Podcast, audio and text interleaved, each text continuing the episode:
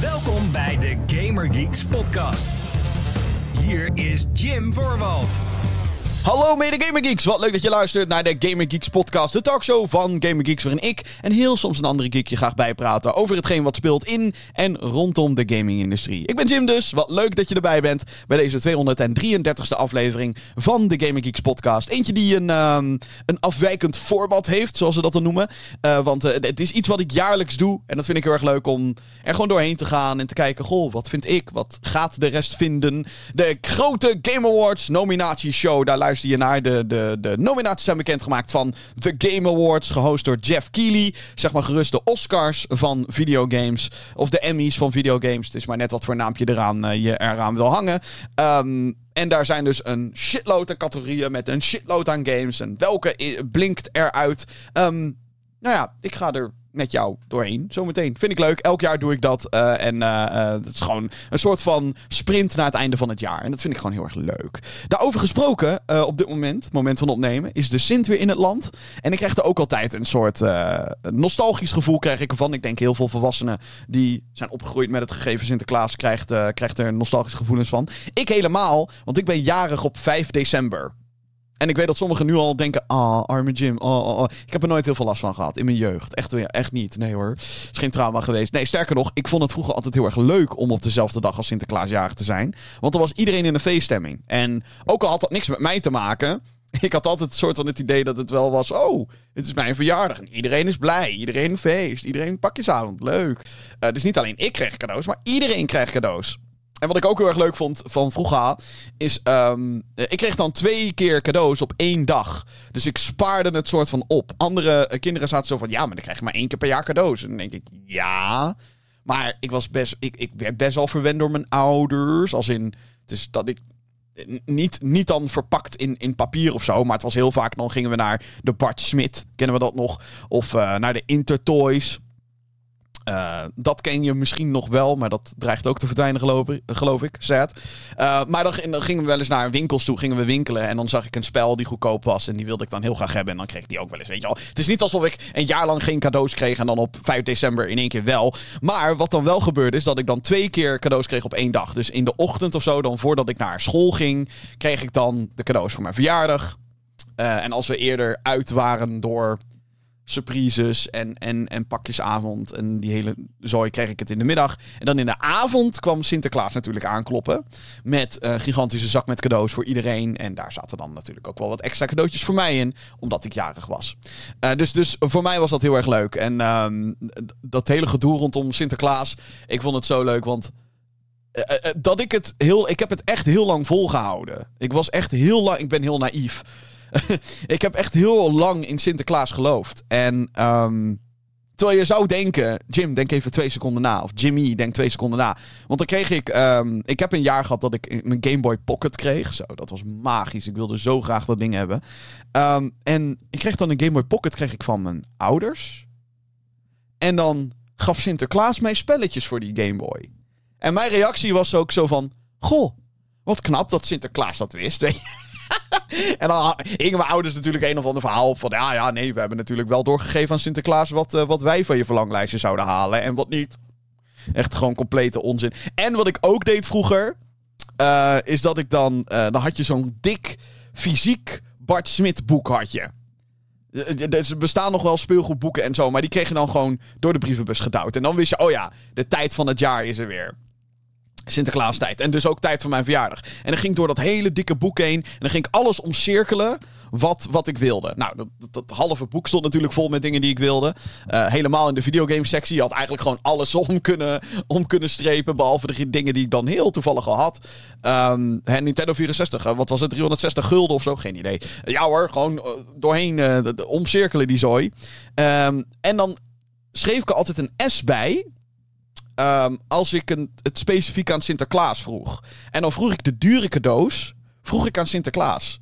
Want het was zo van, ja, eh, ik bedoel, Sinterklaas uh, die geeft uh, cadeautjes aan iedereen. Die logica had ik dan wel weer. Die kon ik dan wel weer verzinnen. Sinterklaas geeft cadeaus aan iedereen. Dus die wel, zal wel genoeg geld hebben. Daar, geef ik, daar, daar vraag ik de dure cadeaus aan. En de niet zo dure cadeaus, die vraag ik aan mijn ouders. Ja, goed. Uh, had allemaal geen zin, natuurlijk. Hè.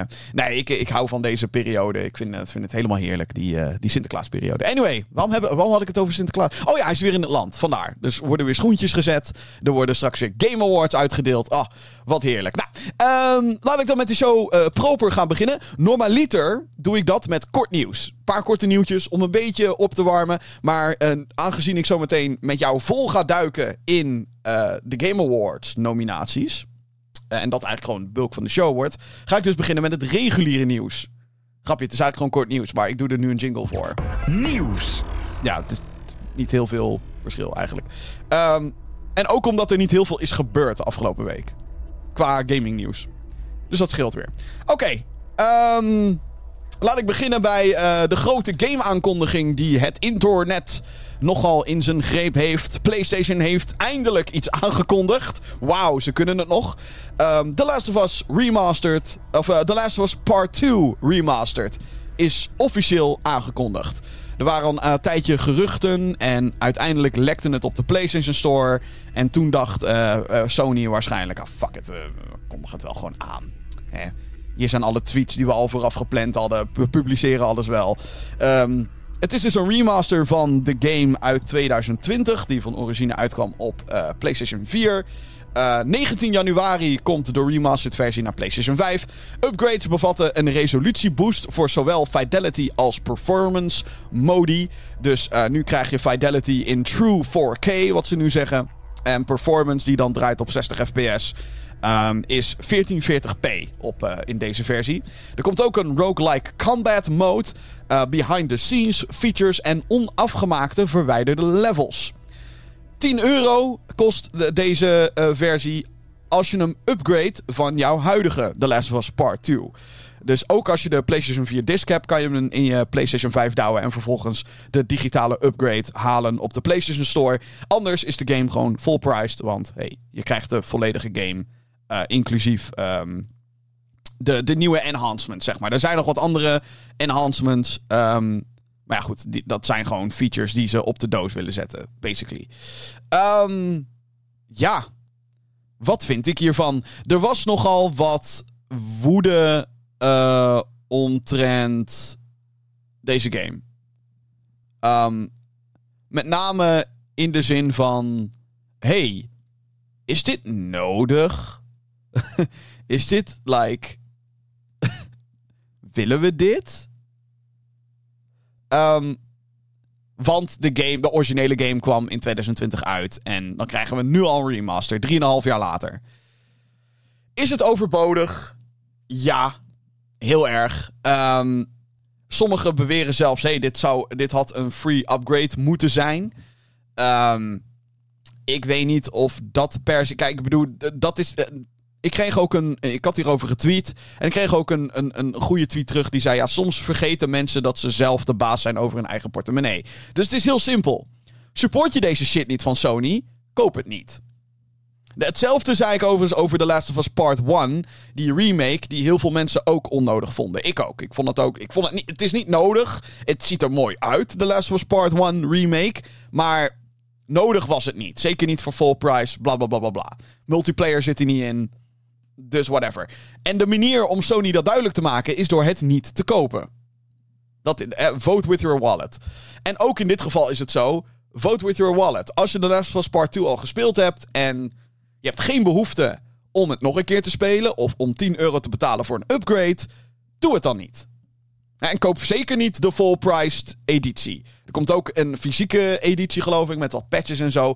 Koop ook die dan gewoon niet. En doe, doe het niet. Je, je, bent niet verplicht om alles te halen. Ik weet namelijk dat er gamers zijn die op de een of andere reden echt alles kopen. Alle grote releases kopen ze. Waarom? Geen idee. Heb je er tijd voor? Nee. Ik zou hetzelfde tegen mezelf kunnen zeggen. Alhoewel ik niet alle grote releases koop. Verre van zelfs. Ik bedoel, als ik dan een grote release wil hebben. En ik heb nu. Ik, ik heb altijd een stapel met, met games die ik nog wil, moet uitspelen. Um, maar dan wacht ik vaak totdat ze in de aanbieding zijn of zo. En als ik echt uh, de developers van dag 1 wil supporten, dan koop ik het wel. En dan leg ik het op de grote stapel. En dan komt het daarna wel. Um, als je dit dus niet wil supporten, simpel koop het niet. Dat gezegd te hebben, de woede die hierover heerst, is wel een beetje overdreven. Want wat ik al zei, het is een 10 euro upgrade. De volledige game. En wat je dan ook zou eh, eh, kunnen, eh, kunnen zeggen is... als je dan per se niet 70 euro voor deze game wil betalen... omdat hij inmiddels 3,5 jaar oud is... dan zou je nog kunnen zeggen... ehm, eh, zoek een goedkopere fysieke versie ergens... en ehm, eh, upgrade daarna. Koop gewoon de PS4-versie ergens voor cheap... en upgrade. Zal ik voor de gein even kijken... Even kijken budgetgaming.nl... hoe duur is nu The Last of Us Part 2? Want ik weet dat dat part 2. Even kijken. Eh, special Edition, Collector's Edition. Oei. Oh ja. Heel toevallig zijn nu ineens alle goedkope versies weg. Oh nee, hier. Eh 27 euro bij bol.com zie ik hier. 27 euro, 28 euro. Nou, rond die prijs kan je de game dus wel halen en dan de 10 euro upgrade. En dan heb je de volledige remastered PS5 versie. Dat kan ook. Want ik weet zeker dat de Last of Us Part 2 Remastered eh, zelf gewoon de volle 70 euro kost. Even kijken hoor. PlayStation Store. Is er een PlayStation Store link al? Lieve mensen. PlayStation Store link. Eh, even kijken. Hm, dat is grappig. Er is nog geen eh, PlayStation Store link. Maar op PlayStation zelf, de PlayStation Store, is hij nu 40 euro. The Last Us Part 2. Dus ja. eh, doe ermee wat je wil met die informatie. Is Sony een beetje van... Ik bedoel... En dit is het frustrerende. Hier ben ik het dan wel weer mee eens. Sony heeft niet heel veel hè, op dit moment. PlayStation heeft niet heel veel. Ik bedoel, er komt ooit een Wolverine game. We weten nog niet wanneer. We hopen eind volgend jaar. Hè? Althans, dat zou een soort van logisch zijn. Dit jaar Spider-Man en dan volgend jaar Wolverine. Oké. Ehm, Helldivers 2 komt eraan. We weten dat er een paar live service games aankomen waarvan we niet per se weten of dat wel gaat slagen of niet. Ehm, en dan een remaster van The Last of Us Part 2. Je zou ook bijna denken dat ze die wat meer zouden eh, opsplitsen. Eh, en dat ze zouden wachten met ook een PC-release voor The Last of Us Part 2. Dat ze dan meteen de game naar PC brengen. Maar nee, dat is nog niet aangekondigd. Er is alleen nog een PS5-versie aangekondigd. Zeker omdat Helldivers 2 komt in februari. En dan The Last Part 2 Remastered komt in januari. Je zou denken dat ze dat iets meer uitspreiden. Als, als ze dan zeg maar marketing beats willen doen. En willen zeggen, hey, PlayStation heeft al deze gekke games en zo. Of ze hebben allemaal dingen achter de hand die ik niet weet. Kan ook. Dat ze ineens een verrassing hebben van, ha, hier is, weet ik veel, de Resistance Trilogy. Eindelijk, Jim, je dromen komen uit. Nee, gaat niet gebeuren. Eh, mo- mocht ik willen. En als het wel gebeurt, dan ben ik super happy. Eh, maar ik, eh, ik, ben, ik ben een realist. Zegt hij, terwijl hij een hele grote backlog heeft. En ook tegen zichzelf blijft zeggen: Ja hoor, die speel ik ooit uit. Ja, zeker weten. Oké, ander nieuws dan. Het is je vast niet ontgaan als je ergens ook maar over straat loopt. Of je opent YouTube. Of je eh, eh, luistert naar de radio. Black Friday komt eraan. Op datum van opnemen is dat nog nou, minder dan een week. En er zijn allerlei Black Friday deals al begonnen. En ik vond het wel leuk om een paar uit te lichten. Ehm, als je bijvoorbeeld nog een PlayStation 5 wil hebben, dan is nu de disc-editie op meerdere plekken voor 430 euro beschikbaar. Ehm, dus dat is extra goedkoop. Zeker als, eh, als je ervan uitgaat dat de prijs gewoon 550 normaal is. Dus dat is 120 euro minder voor een PlayStation 5. Dus eh, dat zou heel goed zijn. Het gaat hier wel om de, eh, de eerste divisie, zeg maar. Hoe noem je dat? Editie. En niet de slim versie, is wat ik bedoel. Waarschijnlijk is dit ook een manier voor hun om van die voorraad af te komen. Maar goed, daar kan jij dan weer je voordeel uithalen. Ehm, PlayStation 5 disc editie dus voor 430 euro als je er nog eentje zoekt. Ehm, bij Game Mania, sorry, je moet even... moet even, moest even hoesten. Mijn keel zat helemaal vast. Waar was ik? Oh ja. Game Mania. Daar is Bayonetta 3 12 euro. Dat is niet heel erg duur. Ehm, die heb ik zelf ook gehaald. Jawel, ook ik ben gaan shoppen. Ja, 12 euro voor Bayonetta 3. Dat is dat, voor, voor een game die eh, zeker geprezen is voor zijn actie en toffe setpieces voor een Switch game. Nou, en ook nog eens fysiek. Het is niet een downloadcode of zo. Het is gewoon een cartridge. I love it. 12 euro. Dat is niet heel duur. Dus ehm, dat zou een tipje zijn van mij. Eh, andere nog, Final Fantasy 16 is voor 33 euro beschikbaar bij onder andere bol.com. Uh, of zeten tegenwoordig gewoon bol. Uh, Mortal Kombat 1 uh, is op meerdere plekken in de aanbieding. rond de 35 euro kan je de game krijgen. Kwam afgelopen september kwam die uit. de nieuwe Mortal Kombat. en als je iets meer neerlegt, 50 euro, dan kan je de Premium Edition krijgen. En dat is geloof ik die met de Fighters Pass. Of de Battle Pass. Of de weet ik veel, weet ik hoe het heet. Um, ja, gewoon dat je de, de, de eerste wave van DLC-characters krijgt. Waaronder Homelander uit The Boys, Peacemaker uit DC. Um, ehm, zit er geloof ik in. Uh, Takeda heet hij, geloof ik. Een Archer guy.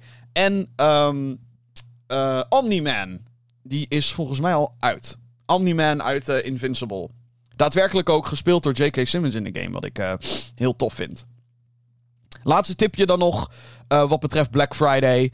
Um, de current en last gen versies voor Hogwarts Legacy op Amazon zijn rond de 35 euro. Ligt er een beetje aan welke editie je pakt. De PS5-editie is dan bijvoorbeeld 37 euro. De PS4 is dan weer 36 euro. Beetje, beetje raar hoe dat zit. Um, de Xbox One-versie is dan weer 34.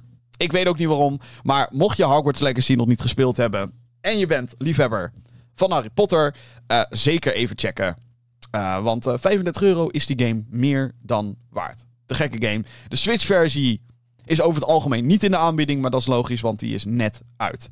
Die overigens uh, best wel indrukwekkend is gezien de um, beperkingen van de hardware. Um, als je kijkt naar hoe het draait en hoe het eruit ziet. Tuurlijk, het ziet er niet uit in vergelijking met PlayStation 5. Maar wat wil je? Het is een Nintendo Switch. Dus ja. Goed. Um, Black Friday deals. Ik zou zeggen, wees er snel bij als je geld over hebt en je wilt nog meer uitgeven aan videogames. Ja. Soms is dat leuk. Ik bedoel, ik heb ook weer allemaal meuk gekocht. Wat ik trouwens ook heb gedaan, is ik heb uh, ook uh, voor Black Friday een, um, een schijfje gehaald. Een, uh, een M.2 SSD voor mijn PlayStation 5. Niet dat die per se veel goedkoper was dan normaal of zo. Maar ik dacht, hè, weet je, als ik dan nu toch allemaal dingen ga kopen, dan kan ik net zo goed meteen een eh, SSD-schijfje eh, in mijn eh, PlayStation 5 duwen. Want ik ergerde me al een tijdje aan de beperkte schijfruimte op mijn PlayStation. Ehm, en en ik, ik, ik, ik, betrapte mezelf erop dat ik allemaal games ging verwijderen. Want oeh, ik heb bijna geen schijfruimte meer. nu heb ik ietsjes meer. 2 terabyte. Nou, kunnen we weer eventjes mee vooruit. Kunnen we weer vijf games erop zetten of zo. En daarna is het weer vol. Goed. Um, en trouwens, dat installatieproces was best heel makkelijk. Gezien het, hè, weet je, het feit dat je het ding moet openmaken en, en dat je er een schijfje moet doen. Er is ook een, echt een supergoeie video van PlayStation zelf. Die wel goed uitlegt van, hey, dit is wat je nodig hebt. Dit is wat je moet doen. Zo haal je de cover eraf. Dit is één schroefje. Het is twee schroefjes die je moet losschroeven. Je moet de cover er zeg maar afhalen van de PS5. Dan één schroefje voor de, een, een soort van cover van het schijfje. Dan is daar nog een extra schroefje. Dan klik je, je, je dit ding erin, dit, dit, dit, dit SD, uh, SSD schijfje, whatever. Dat, dat klik je erin. Die schroef je vast met, met een schroefje. En dan doe je de cover er weer op. Die schroef je dicht. En dan de daadwerkelijke, die plaat van de PS, PS5 erop. En dat is het. Ja, je moet wel even een schroevendraaier hebben, maar het was een heel makkelijk proces. Chapeau, PlayStation. Anyway, nieuws. Oh ja, waar was ik? Half-Life bestaat 25 jaar. Valve heeft een uh, patch uitgebracht voor de game. Die tot de avond van 20 november gratis te downloaden is. Dus mocht je dit uh, heel snel luisteren, dan kan je hem nu nog gratis krijgen. Anders is hij, wat is het, 5 euro of zo. Niet eens. Hij gaat heel vaak in de sale en dan is hij minder dan een euro. De originele Half-Life uh, uit 1998 dus. Er is ook een documentaire uitgebracht over de game. Van Valve zelf. over hoe het is ontwikkeld en zo. Ik heb, die, ik heb nog niet de gelegenheid gehad om die te kijken. Maar dat ga ik zeker wel doen. Want Half-Life is um, een fantastische game. Nou ben ik wel heel erg uh, bevooroordeeld. Want, um, nou goed, ik speelde dit toen ik een klein gymmetje was. Uh, en uh, langzaam maar zeker gaming ontdekte. Maar Half-Life is een, een zeer, ja, zeer innoverende game. Een, een, een, een, ja, hoe moet ik het zeggen? Een magische game.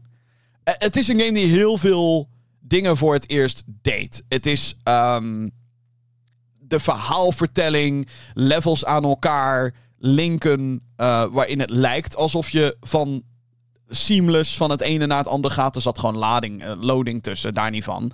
Maar het was, um, Heel erg revolutionair. De sfeer die het neerzette. Want je moet begrijpen dat voor Half-Life. Half-Life kwam dus uit in 98. En daarvoor waren first-person shooters op PC. Vooral heel erg van het. Oh ja, snel. Da da da da. Oh, snelle actie. Weet je, je had, je, had, je had Doom. Je had Wolfenstein. Je had Quake. En je had Heretic. Je had Hexen. Je had allemaal van dat soort games. En. Nou ze zijn niet zo snel als dat games eh, zo snel als dat games nu zouden kunnen zijn. Maar het ging allemaal heel erg om keiharde actie. En Half-Life was veel meer van de atmosfeer en een mysterie. En goh, wat gebeurt er nou eigenlijk allemaal in dat Black Mesa Science Facility? Um, dus heel erg vet nog steeds de moeite waard om te spelen. Zeker nu ze dus inderdaad een patch hebben uitgebracht. Waarbij ze daadwerkelijk fixes hebben gemaakt op de moderne poort van Half-Life. Um, en um, meer support voor moderne resoluties. Het is nu officieel Steam Deck verified en dat soort dingen. Dus um, ja, heel erg tof dat ze dat hebben gedaan om 25 jaar Half-Life te vieren het zou wel fijn zijn als ze ook daadwerkelijk weer doorgaan met de serie Half-Life. Dat er bijvoorbeeld eindelijk een keer Half-Life 2 episode 3 komt. Of weet ik veel. Half-Life 3 zou ook leuk zijn als dat een keer zou gaan gebeuren. Um, gaat niet, hè? Gaat echt nooit meer. Nou ja, zeg nooit nooit. Ik bedoel, ze hebben uiteindelijk wel eens een keer een Half-Life game uitgebracht. Maar dat was dan voor VR. En die game is ook op dit moment alleen beschikbaar op Valve Index. De VR-headset van Valve. En niet uh, op PlayStation VR of zo. Wat denk ik nog steeds een, een gigantische titel zou kunnen zijn in potentie voor PlayStation VR 2. Als ze die, uh, als ze die eindelijk uh, zouden gaan poorten. Maar goed, daar moet waarschijnlijk heel veel uh, licentieovereenkomst en zo. Weet ik veel. Ik weet niet echt hoe dat werkt. Maar Half-Life 1 bestaat 25 jaar. En elke keer als dat gezegd wordt, voel ik me oud. Want dan word ik geconfronteerd met het feit dat ik zelf ouder ben dan Half-Life. Oh, wat een goede game. Ik heb ook meteen weer zin om te spelen. Ach, zo lang is die game overigens niet. Dus dat, dat scheelt weer. Oké, okay, um, tot zover het nieuws. De playlist. En dan gaan we naar de playlist. Ja, toch nog even voordat we naar de Game Awards nominaties gaan. De playlist. Uh, wat zijn games die ik aan het spelen ben? Wat zou jij eventueel moeten spelen en wat vooral niet? Vorige week, of nou, vorige aflevering, had ik het al met jou over Call of Duty Modern Warfare 3. De nieuwe Call of Duty game die echt kapot wordt gemaakt op het internet. Mensen zijn niet tevreden over de nieuwe Call of Duty. Um... En vorige week was ik best. Vorige aflevering, sorry. Was ik best mild. Ik was best zo van. Weet je, ik heb het best naar mijn zin. Het is wel geinig. Nog wat issues hier en daar. Maar het is wel geinig. En met wel geinig bedoel ik, het is Call of Duty. En in de multiplayer. Had vorige aflevering alleen nog maar de multiplayer even gespeeld. De multiplayer is gewoon wat het is. Het is weer Team Deathmatch, Domination. Knallen, knallen, knallen. Heel snel gaan. Gefrustreerd raken dat je geowned wordt door iemand anders. En um, ook gefrustreerd raken omdat het enige wat ze met multiplayer hebben gedaan... Uh, zijn oude maps uit Modern Warfare 2. En dan niet het origineel, dus 2009 Modern Warfare 2. Het wordt steeds verwarrender. Die hebben ze geremaked, geremasterd, whatever. En in deze game gepropt. En dat is het. Geen nieuwe maps, geen maps uit andere Call of Duty games. Nee, puur en alleen 16 maps uit Modern Warfare 2 2019. Of uh, 2009, moet ik het wel goed zeggen. En um, dat is het. Um, met wel een nieuwe wapenset en dat soort dingen. Je kent het allemaal wel. Um, wat ik daar nu frustrerend aan vind, is dat inmiddels zijn we qua tijd een week verder. Ik heb nog wat meer uurtjes erin gedouwd. En er is een mate van tolerantie die je kan hebben voor bepaalde issues. En wat ik vanaf het begin af aan al had, was lag issues. Het is echt gewoon alsof we weer terug zijn in 2005. Ik had lag issues. Gewoon lag. Gewoon de hele tijd. Als je ook sprint, dan zie je zo'n kleine stottering in je animatie. Continu krijg ik in beeld de melding: packet burst. Je hebt een packet burst. Een packet burst. Is dat een of andere perk? Nee. Dat is dat de game te veel data krijgt om te kunnen verwerken. Althans, dat is de technische uh, uitleg die ik erover heb gelezen online. Wat dus betekent dat je niet alles binnenkrijgt. En dat veroorzaakt iets wat lijkt op lag. Mijn latency is niet heel hoog. Mijn latency zit op max 25, 30. En normaliter rond de 20, 15, 20. Dat is niet heel hoog. Sommigen vinden dat heel hoog. Ze zeggen, Jim, heb je geen glasvezel? Nee, ik heb geen glasvezel. Nog niet. Um, maar het is niet heel hoog. Andere multiplayer games, beter vergelijkingsmateriaal. Um, weinig issues met multiplayer. Heel weinig issues. Gewoon meteen, weet je wel, ik klik op iets en het gebeurt. In Call of Duty Modern Warfare 3, ik weet niet hoe de fuck ze het voor elkaar hebben gekregen. Maar die packet burst issues zijn, zitten heel diep in de game. Gewoon om het hoekje doodgeschoten worden. Een vuurgevecht verliezen waarvan je denkt, hoe dan? Hij kijkt me niet eens aan. Maar dat is gewoon omdat jij de informatie later krijgt. Of gewoon, gewoon lag. Je krijgt lag. En die mensen hebben je dan waarschijnlijk al lang gezien. Of schieten vaker dan dat jij ziet dat ze schieten. Ik heb soms ook gewoon dat ik één keer op mijn muis klik. En dan zie ik twee kogels afgaan. Alsof de game compenseert al in mijn beeld. Zo van, oh ja, ja ik, ik, heb, ik, krijg, de informatie van de server niet op tijd. Dus ik doe maar twee kogels soort van afschieten in jouw beeld. Terwijl je er niet eentje afschiet. Klinkt niet als een heel groot issue als je inderdaad een assault rifle hebt met een clip van 35 eh, kogels. Maar als je een sniper hebt met één kogel waarbij elk schot cruciaal is. En soms hoor je het geluid, maar zie je niet dat je gun schiet. En heb je dus ook niet geschoten. En word jij vervolgens neergesniped. Dat is heel frustrerend. Ik heb dit opgezocht. Want je zal maar net... Weet je, het eerste wat sommige mensen dan tegen zeggen... Nou je moet gewoon beter internet hebben. Wat ik al zei, andere multiplayer games, geen issues. Het feit dat ik pagina's aan pagina's aan pagina's tegenkom met how to solve packet burst, wat nooit werkt. Want dat is ook wat er op de Steam fora dan meteen helemaal langskomt. Uh, ik heb alle zogenaamde fixes geprobeerd. Het, het werkt niet. En dan krijgt uh, die mensen krijgen dan als respons: ja, nee, de servers zijn gewoon fucked. Het feit dat dat allemaal gaande is, weet dus, het ligt niet aan mij. Het ligt aan die fucking game. En ik weet niet hoe ze het voor elkaar krijgen, maar Call of Duty komt elk jaar uit. Dit is een engine die ze al jaren gebruiken. Modern Warfare 3 is uh, volgens velen, en ik geloof dat gewoon. Het was ooit een expansion voor Modern Warfare 2.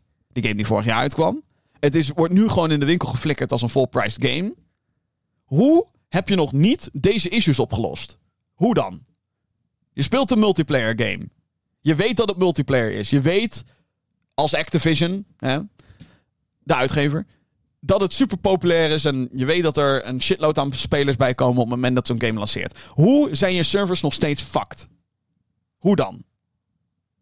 hoeveel incompetentie komt erbij kijken om dat voor elkaar te krijgen? Want er zijn momenten dat ik gewoon zat te spelen en dat ik gewoon mijn arm omhoog gooide en ja, dit is gewoon fucking onspeelbaar dit. En, vooral in een game waarbij alles heel snel gaat. Half-Life is best langzaam.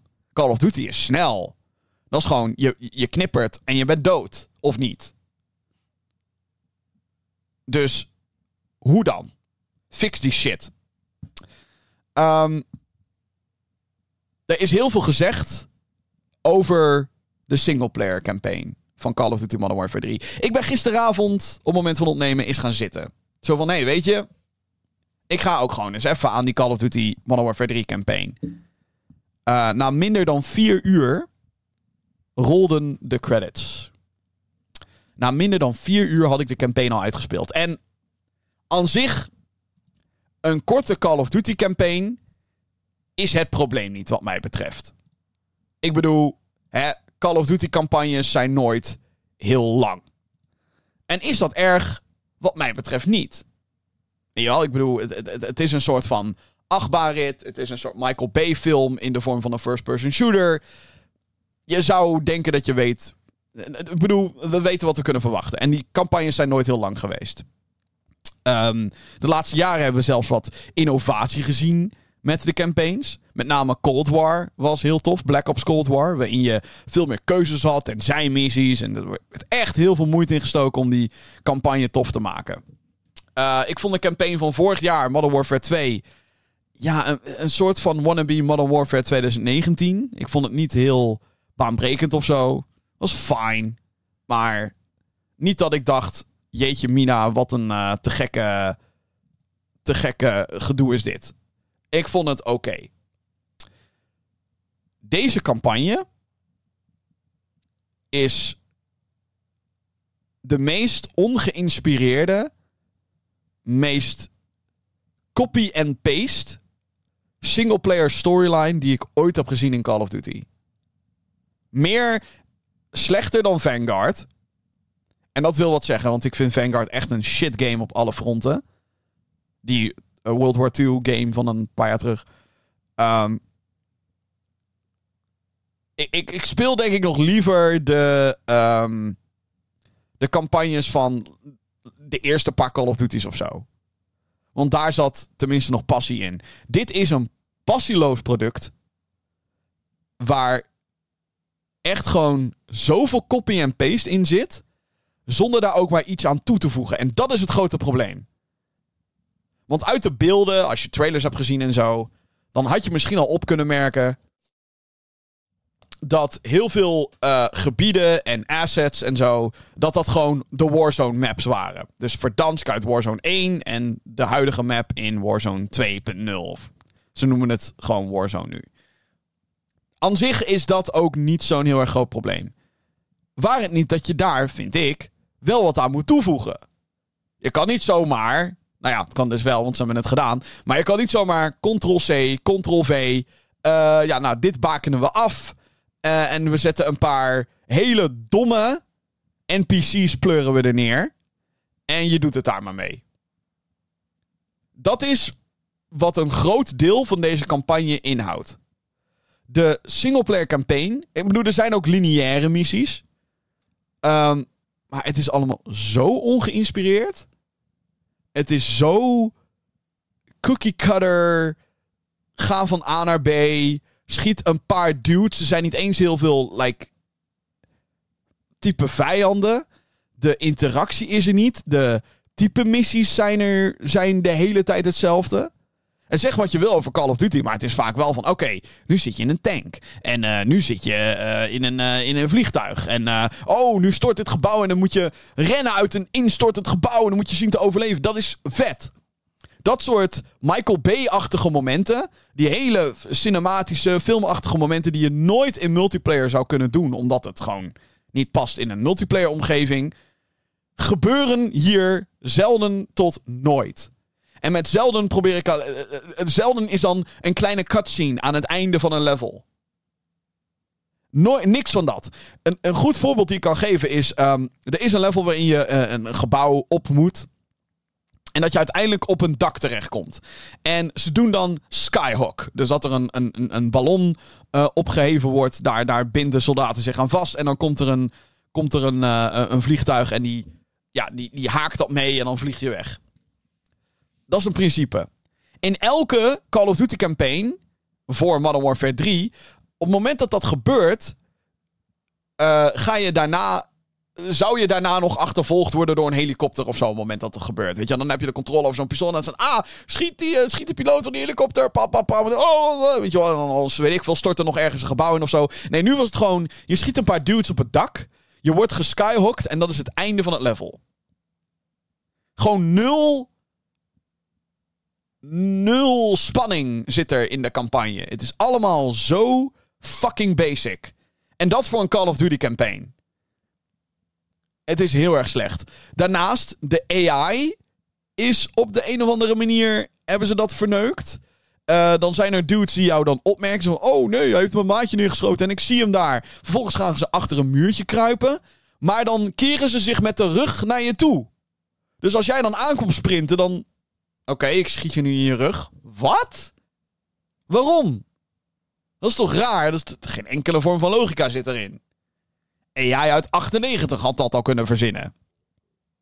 We zijn in 2023. What the fuck? En het verhaal is ook compleet waardeloos. Het hele verhaal omtrent Modern Warfare gaat, uh, drie dan in dit geval, gaat over Makarov en het opsporen van Makarov. Het is eigenlijk één grote fucking goose chase om deze guy te pakken. Uh, hij is dan de leider van een, een, een, een Russian militia die voor de True Russians um, aan het strijden is. Uh, doet allerlei terroristische aanslagen en zo. Heeft op de een of andere manier heeft hij honderden, honderden, honderden soldaten met dikke vette armor en gigantische equipment om een soort van uh, wereldoorlog te ontketenen. weet je, dat is altijd een Call of Duty. Het is overdreven, maar dat maakt niet uit. Whatever. Um, de, de hele game gaat over dat Captain Price en uh, Graves en uh, de, hoe heet ze, Soap en Gaz. heel veel characters hebben ook niks te doen in deze game. Whatever. Um, die, uh, eigenlijk is de, is de hele campagne is alleen maar... we gaan achter Makarov aan, we gaan achter Makarov aan. Waar is Makarov nu? Hij zit daar. Oh shit, nee, we zijn hem kwijt. Nou, dan moeten we een, een lead van hem vinden. Oh ja, zijn bankier is hier. Oké, nou, laten we daar dan heen gaan. En dat is dan weer een missie. En oh, waar is Makarov? Dat is het hele verhaal. Aan het einde van de game, ik ga, ik ga het verhaal van Modern Warfare 3 spoilen. Dus als je geen spoilers wil, skip twee minuten, I guess. Aan het einde van de game... Uh, leeft hij nog? Er is letterlijk niks opgelost aan het einde van de game. Hij schiet soap neer. En dat is het. Dus de, het hele verhaal is letterlijk fucking waardeloos. Behalve dat er één personage doodgaat. Er is geen grote uh, plot twist. Er is geen. Uh, oh, wat gebeurt er nu? Er is geen. Het is gewoon. Oh ja. He got away. Again. Wat? Waarom bestaat deze campagne? Waarom bestaat dit? De helft van de cutscenes, of de helft, 80% van de cutscenes is ook. Je kijkt naar zo'n mission briefing scherm en je ziet alleen maar. Oh, Captain Price zegt nu iets. Oh, nu zegt Soap iets. Oh, nu zegt Laswell iets. Oh, nu zegt Shepard iets. De game doet ook helemaal trouwens geen moeite om je bij te praten over wat de fuck er gebeurd is in Modern Warfare 1 en 2. Dus als je hier ingaat en, nou goed, het is een jaar geleden sinds dat je Modern Warfare 2 de campaign hebt gespeeld. Veel succes met het onthouden. Ik heb geen idee wat de fuck ja, ja een Makarov, uh, weet ik veel. Het is zo ontzettend inspiratieloos. Het is niet normaal. En ik weet dat er mensen zijn die zeggen: Ah, Jim, je speelt Call of Duty toch voor de multiplayer. Dat is voor het merendeel van de speeltijd ook wel zo. Maar betekent dat dat je dan een singleplayer campaign op die manier maar gewoon moet gaan zitten verpesten? Het is echt, het is de meest luie. Wat ik al zei, copy-paste singleplayer ooit. Het is een eventloos multiplayer of een singleplayer segment. Um, er zijn dan nu zogeheten open combat missions. Dat is een zogenaamde grote innovatie. Dat is wanneer ze een stukje Warzone map uh, plakken. En dan zeggen: Oh, ga hierheen, ga daarheen en ga daarheen. Ga naar drie locaties. En of pak daar een item op, of hack daar een ding. Het is altijd hetzelfde. En altijd is in dit geval niet heel lang, want zo lang is de campagne zelf niet. Ja, het is. Um... Eh, ik vind het heel sad eigenlijk. Vooral ook omdat ik zou graag soort van willen dat ik Sledgehammer de schuld kon geven. De studio die uh, Call of Duty Modern Warfare 3 heeft gemaakt. De game van dit jaar. Um, maar we weten met z'n allen dat ze veel te weinig tijd hebben gekregen om iets te maken wat, wat enigszins van niveau is. Want je kan zeggen over Call of Duty en de singleplayer campagnes wat je wil. Maar zelfs de slechtste tot nu toe waren zeg maar toffe achtbaanritten. Waarbij er van alles nog wat explodeerde en er van alles nog wat gebeurde. En dat je op zijn minst zou kunnen zeggen: hey, deze setpiece was tof. Dit was een memorabel moment. Uh, en whatever. En het enige wat, wat Modern Warfare 3 doet, is proberen om een paar chockerende momenten te creëren. Waar je als speler uh, A, nul invloed op hebt. En B, die zo kort zijn dat het bijna geen eh, impact op je kan maken. En ik zal dan niet nou ja, whatever. Ik heb het einde ook al gespoild, dus who cares. Maar er is dus een moment dat je een kaping van een vliegtuig meemaakt. En dat je dan een bom om je uh, middel heen geplakt krijgt. Zo van, haha, wij gaan jou nu soort van de schuld geven van deze aankomende terroristische aanval. En dat zie je dan door de ogen van die persoon. Een soort van wannabe no Russian, I guess. No Russian controversiële missie uit de originele Modern Warfare 2. Waarbij je undercover ging met een groep terroristen die dan op een vliegveld allemaal onschuldige mensen neer gingen maaien. Dat was chockerend. Dat had exact het effect wat het had. het, het chockerende dat terroristen zoiets doen. En het chockerende dat als je undercover bent, je alles moet doen om niet gepakt te worden als undercover agent. Keihard. Ehm, maar in die zin ook realistisch op, tot een bepaald niveau. Um, en hier is het gewoon, oh ja, ja, je krijgt het harnas en daarna komt er een cutscene en dat was het. Er zit nul, nul interactie zit erin. En dan denk ik, waar is die creativiteit gebleven van bijvoorbeeld Modern Warfare 2019? Waarbij een van de meest indrukwekkende missies wat mij betreft...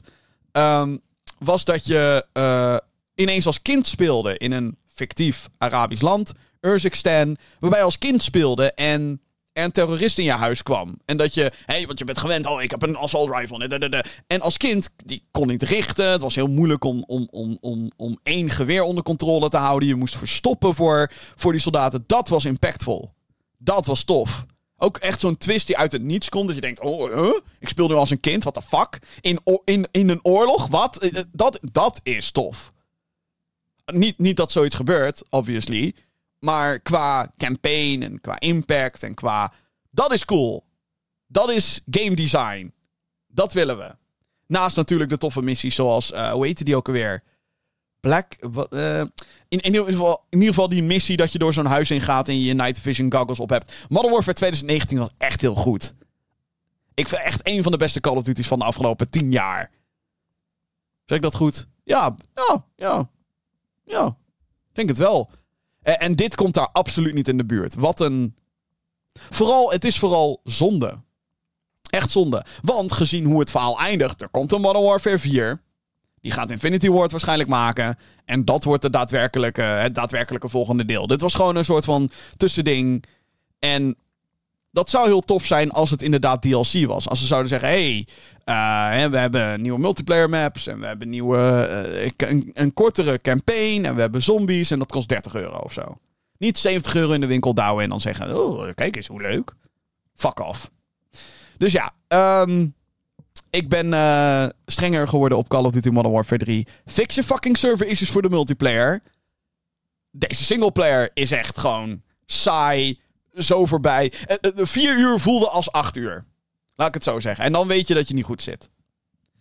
Um, en de zombies. Nou, weet je wat? Zal ik daar op een ander, moment op terugkomen? Ik heb dat ook nog niet heel veel gespeeld. Maar van wat ik tot nu toe heb gespeeld, oei. Goed. Um, zal ik het dan even over iets positievers hebben? Laten we dat vooral doen. Laten we niet te veel uh, gaan ragen in deze aflevering. Um, ik heb ook Super Mario RPG eventjes gespeeld. Uh, ik, oh man, dit is een van de games waar ik me zo ontzettend op heb verheugd. Dus, oké, geschiedenislesje. In 1996, mensen, kwam er een, uh, een, uh, een game uit voor de, joh, voor de Super Nintendo. Die heette Super Mario RPG. Die werd gemaakt door Nintendo samen met Square. Toen nog Squaresoft, tegenwoordig Square Enix. En um, dat was een unieke samenwerking, want het was een soort van... hey, wat nou als Mario, maar dan een Final Fantasy game? Niet zoals, wat nou als Disney met Final Fantasy gemixt? Nee, wat nou als Mario, maar dan een Final Fantasy... Het was een, een Super Mario RPG, ja. Um, en ik heb die game... Sorry Nintendo, don't sue me please. Maar de eerste keer dat ik die game speelde was als kleine jochie. Toen kreeg ik op een gegeven moment van mijn pa een gebrand, gebrande cd... met daarop een shitload aan emulators en ROMs. Had ik gewoon van het internet afgehaald. En die dacht, nou, daar kan mijn zoon kan daar veel plezier mee beleven. Um, toen de tijd niet echt nagedacht over. Goh, is dit wel fijn voor de gaming-industrie? Tegenwoordig koop ik gewoon al mijn games. Met alle uh, disclaimer bij deze. Ik koop gewoon al mijn games. En als ik iets wel illegaal download, dan is dat om het makkelijker speelbaar te maken. Maar vaak heb ik dan het origineel. Um, en via die emulators en die ROMs speelde ik Super Mario RPG. En ik vond het fantastisch. Ik vond het nog leuker toen ik er later dus achter kwam, of in ieder geval ook zag, dat die voor de Wii Virtual Console werd gereleased. Dat was de eerste officiële release van de game in Europa. Want de originele game, de Super Nintendo game, kwam nooit uit in Europa. Nooit uitgebracht hier. Waarom? Geen idee. Uh, ik die snap. Waarom niet? Misschien omdat het heel laat uh, was in. in in het leven van de Super Nintendo. Maar goed, dat was het in Amerika en Japan ook. Sterker nog, um, daar was het nog korter af wat betreft de Nintendo 64 die daarna zou komen. Want hier in Europa kwam dus de Nintendo 64 pas in 97. Dus als je snel had gewerkt toen de tijd, dan had je de Super Nintendo game Super Mario RPG in 96 ook al hier uit kunnen brengen. Maar goed, ik ben geen expert wat dat betreft. Waarschijnlijk moet die game dan ook natuurlijk naar 12 talen vertaal, vertaald worden. Zou ook niet heel makkelijk zijn. En dat kost ook weer werk en tijd en zo. Maar goed. Uh, dus in, in, kwam naar de Wii Virtual Console. En daarna is hij nog een keer uitgebracht op de Super Nintendo Mini. Ook nog eens. En ik heb me altijd afgevraagd waarom Breng Nintendo die game niet naar Nintendo Switch Online. Want ik zou het meteen kapot spelen dan, bij wijze van. Nou goed, dat hebben ze niet gedaan, want er is nu een remake van de game op Nintendo Switch. En um, er zijn een paar redenen waarom ik deze game zo ontzettend leuk vind. Uh, het is de hele. Het is echt het, de sfeer van deze game. Het is heel apart. Het is, het is Mario. Weet je wel? Maar het, het heeft echt die. Een hele aparte Square Enix vibe. Om, of toen de tijd Square vibe om zich heen. En dat is heel apart. Heel apart. Er zijn ook nieuwe characters. Mellow en Gino en een shitload aan vijanden die je daarvoor en daarna nooit meer in Mario hebt gezien. Um, want ja, je hebt, je hebt een RPG. Je moet toch verschillende type vijanden moet je, moet je verzinnen. Maar het was heel erg tof. De, uh, uh, het is een turn-based combat game. Um, maar dan met real-time elementen. En dit is iets wat tegenwoordig vaker in um, in RPG's wordt gedaan. Uh, dat, je, uh, dat er real-time elementen verwerkt zitten in een turn-based game. Maar ik geloof dat dit een wel, wel een van de eerdere was die het deed. Waarschijnlijk niet de allereerste, maar echt een van de eerste. Dus wat je moet doen is dat je, uh, als je aanvalt, moet je op het juiste moment weer op A drukken. Zodat je een sterkere aanval doet. en als een vijand aanvalt, moet je op het juiste moment ook weer op A drukken. Om je beter te verdedigen tegen die aanval. Als je echt een volle klap krijgt, dan kan het best wel heftig zijn. Maar als je dat goed weet te timen, dan, um, dan, dan beperk je de schade. En dit soort elementen zijn heel cool, omdat je daardoor veel meer geïnvesteerd bent in wat er gebeurt op je scherm. Het is niet alleen maar cijfertjes die geanimeerd zijn. Althans, dat is het nog steeds wel, maar, hè, want het is een videogame, het is code. Maar het, het, het komt minder over als, als zijnde. En dat element heb ik altijd heel erg tof gevonden. In combinatie met de artstyle, in combinatie met de muziek, die legendarisch is. De, de, de soundtrack van Super Mario RPG. Goed, dat is allemaal het origineel. Hoe is deze remake? Um, nou, ik heb een paar uur slechts gespeeld.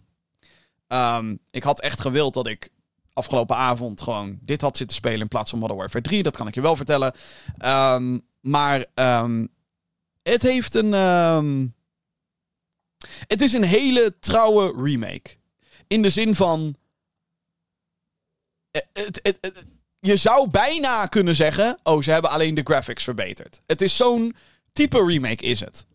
Een beetje zoals uh, The Legend of Zelda Link's Awakening. Of een beetje zoals de Crash Bandicoot en Sane Trilogy. Uh, weet je wel, de, de, de, de, de controls zijn iets wat geüpdate natuurlijk. Um, er zijn wat kleine features bijgehaald. Uh, en de graphics zijn nieuw gemaakt. En dat is het. En de soundtrack opnieuw opgenomen. Die overigens woe, fantastisch klinkt. Er zijn wat uh, andere interpretaties van liedjes waar sommige mensen het waarschijnlijk niet mee eens zullen zijn. Maar ik vind het tot nu toe heel erg goed klinken. Een ander verschil zijn. Een paar animaties zijn veranderd. Um, en um, nou ja, wat ik al zei, de graphics zijn gewoon vernieuwd. De graphics zien er heel leuk uit, vind ik.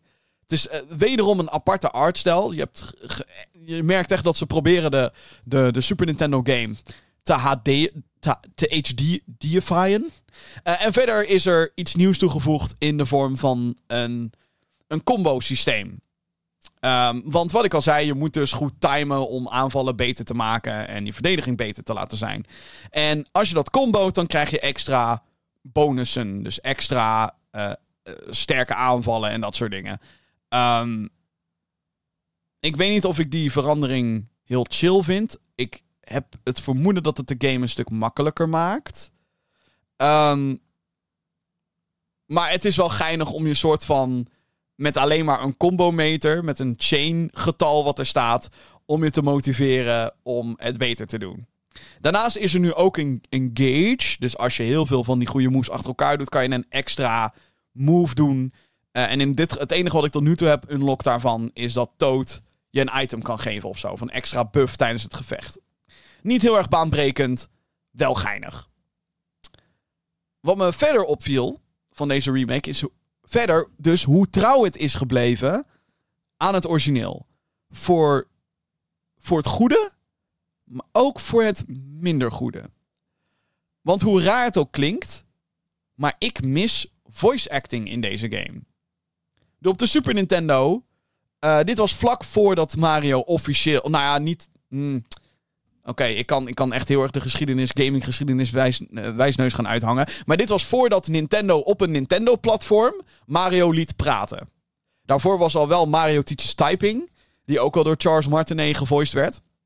Ehm, maar dit was voor Super Mario 64. En de meeste mensen kennen Mario stem pas vanaf die game.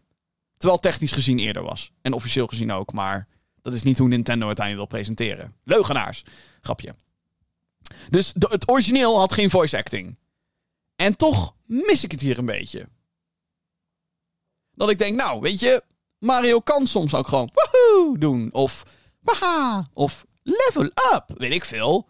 Lucky. Dat soort kleine uitspraken. Hij hoeft niet, hij hoeft niet te praten de hele tijd. Zeker niet. Het is niet de Super Mario Brothers film. Maar toch, ik mis voice acting. Ik mis ook voice acting van Toads. Ik mis voice acting van bepaalde andere characters. Al is het alleen maar, weet je wel, van die Mario-achtige grunts van... Oh, oh, oh. Het is een beetje gek dat dat er niet in zit. Eh, met uitzondering van Bowser trouwens, die wel ineens. Maar volgens mij had hij in het origineel ook al... Dat soort geluidjes. Maar al- alle andere characters zijn gewoon stil. Die zeggen nooit wat. En daardoor komen sommige dingen die heel charmant waren in het origineel, komen hier niet goed over. Want er zijn soms momenten dat characters wat vertellen, en Mario ook. En daar andere characters vertellen het gewoon door middel van tekst. Maar Mario eh, had toen de regel, hij praat niet. Helemaal niet. Dus wat hij dan doet, is dat hij dingen uitbeeldt. En met die Super Nintendo sprites komt dat dan net wat charmanter over dan nu het gehd is en het een moderne game moet zijn. Dus alhoewel ik het heel erg waardeer als oude man, dat deze game eh, heel erg trouw blijft aan het origineel. Ik kan me heel goed voorstellen dat als je hier zonder het origineel ooit te hebben aangeraakt, misschien ooit wat te hebben gezien, gaat spelen, dan denk je misschien, huh? Waarom is dit allemaal zo fucking ouderwets? Ehm, dus dat is iets wat enigszins tegen kan werken. Of het werkt juist heel erg in het voordeel. eh, dat je denkt, oh wat ontzettend charmant is dit.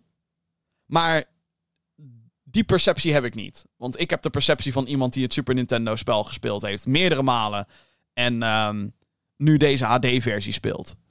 Ehm, dat gezegd te hebben. Ik vind het fantastisch. Ik vind het heel erg leuk. Ehm, het, eh, deze game heeft echt een aparte sfeer.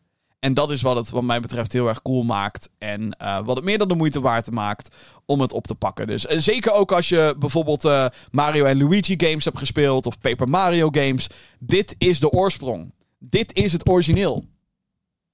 Eh, Paper Mario 2 tijdens de ontwikkeling was ook de, de codenaam was Super Mario RPG 2. Uiteindelijk hadden ze toen besloten om het gewoon een aparte naam te geven, Paper Mario. Je zou kunnen zeggen dat Mario en Luigi weer ook een, een soort van opvolger is. Dus dit is een game die ervoor heeft gezorgd dat Mario niet één, maar twee RPG-series kreeg. Dit is het origineel. Of althans, het origineel, maar dan gehd. En is dat tof? Ja, het is tof. Had deze remake wat meer moderne elementen kunnen hebben? Wat mij betreft wel. Maar, dat zeg ik er ook meteen bij, ik ben nog niet heel ver in de game. Ik ben nog niet, ik, ik ben nu, wat is het, twee uur onderweg. En daarin maak je eigenlijk al heel veel mee. Heel veel characters en verschillende locaties. En het is ontzettend charmant. Het is een ouderwetse turn-based RPG, done right. En ik vind, het, ik vind het heel cool dat deze geremaked is vooral. Want ik denk dat als er iets niet op de prio-lijst van Nintendo zou moeten staan eigenlijk, dan is het een remake van Super Mario RPG. En het feit dat hij er wel is, is te gek. Dus I love it. Eh, ondanks de eh, niet zo heel veel verbeteringen qua, qua gameplay. Of nou ja, qua, qua... Ik bedoel, want de game ziet er verder heel goed uit, hè. Maar het is de oude artstijl gemoderniseerd. En ja, eh, dat is gewoon waar ze voor gingen. En wat dat betreft missie geslaagd. Draait ook goed overigens. Ziet er hartstikke leuk uit. En wat ik al zei, de muziek, I love it. Een van de beste Nintendo soundtracks, of eigenlijk Square soundtracks ooit. Oh man, ik heb nu ook gewoon zin om te gaan spelen. Oh, love it. Super Mario RPG. En, en, laten we niet vergeten, er komt dus ook nog een remake aan van Paper Mario The Thousand Year Door. De Gamecube game, de tweede Paper Mario game. Daar ben ik ook heel erg benieuwd naar, want ik heb het origineel nooit gespeeld. Daarvan. En hierdoor, als ik dit eenmaal heb uitgespeeld, denk ik dat ik overstag ga en de Nintendo Switch Online Expansion Pass haal. Want ik wil nu wel heel graag Paper Mario spelen. Zeker voordat de remake van The Thousand Year Door uitkomt. Ach, Nintendo is zo lekker bezig. Maar wat ik. En dit, dit is gewoon pure thumbs up. Wat ik al zei. Als iets niet op de priolijst zou moeten staan bij Nintendo. Is het een remake van een of andere cult game. Super Mario RPG. Ik bedoel, je zou kunnen cashen. Je zou kunnen blijven cashen. Ze kunnen Mario en Luigi gaan remaken. Ze kunnen een nieuwe maken. Ze kunnen een nieuwe Paper Mario maken. Maar nee, ze maken Super Mario RPG. En I love it. Ik hoop stiekem dus dat dit gaat leiden naar Super Mario RPG 2. Dat deze game een keer een sequel krijgt.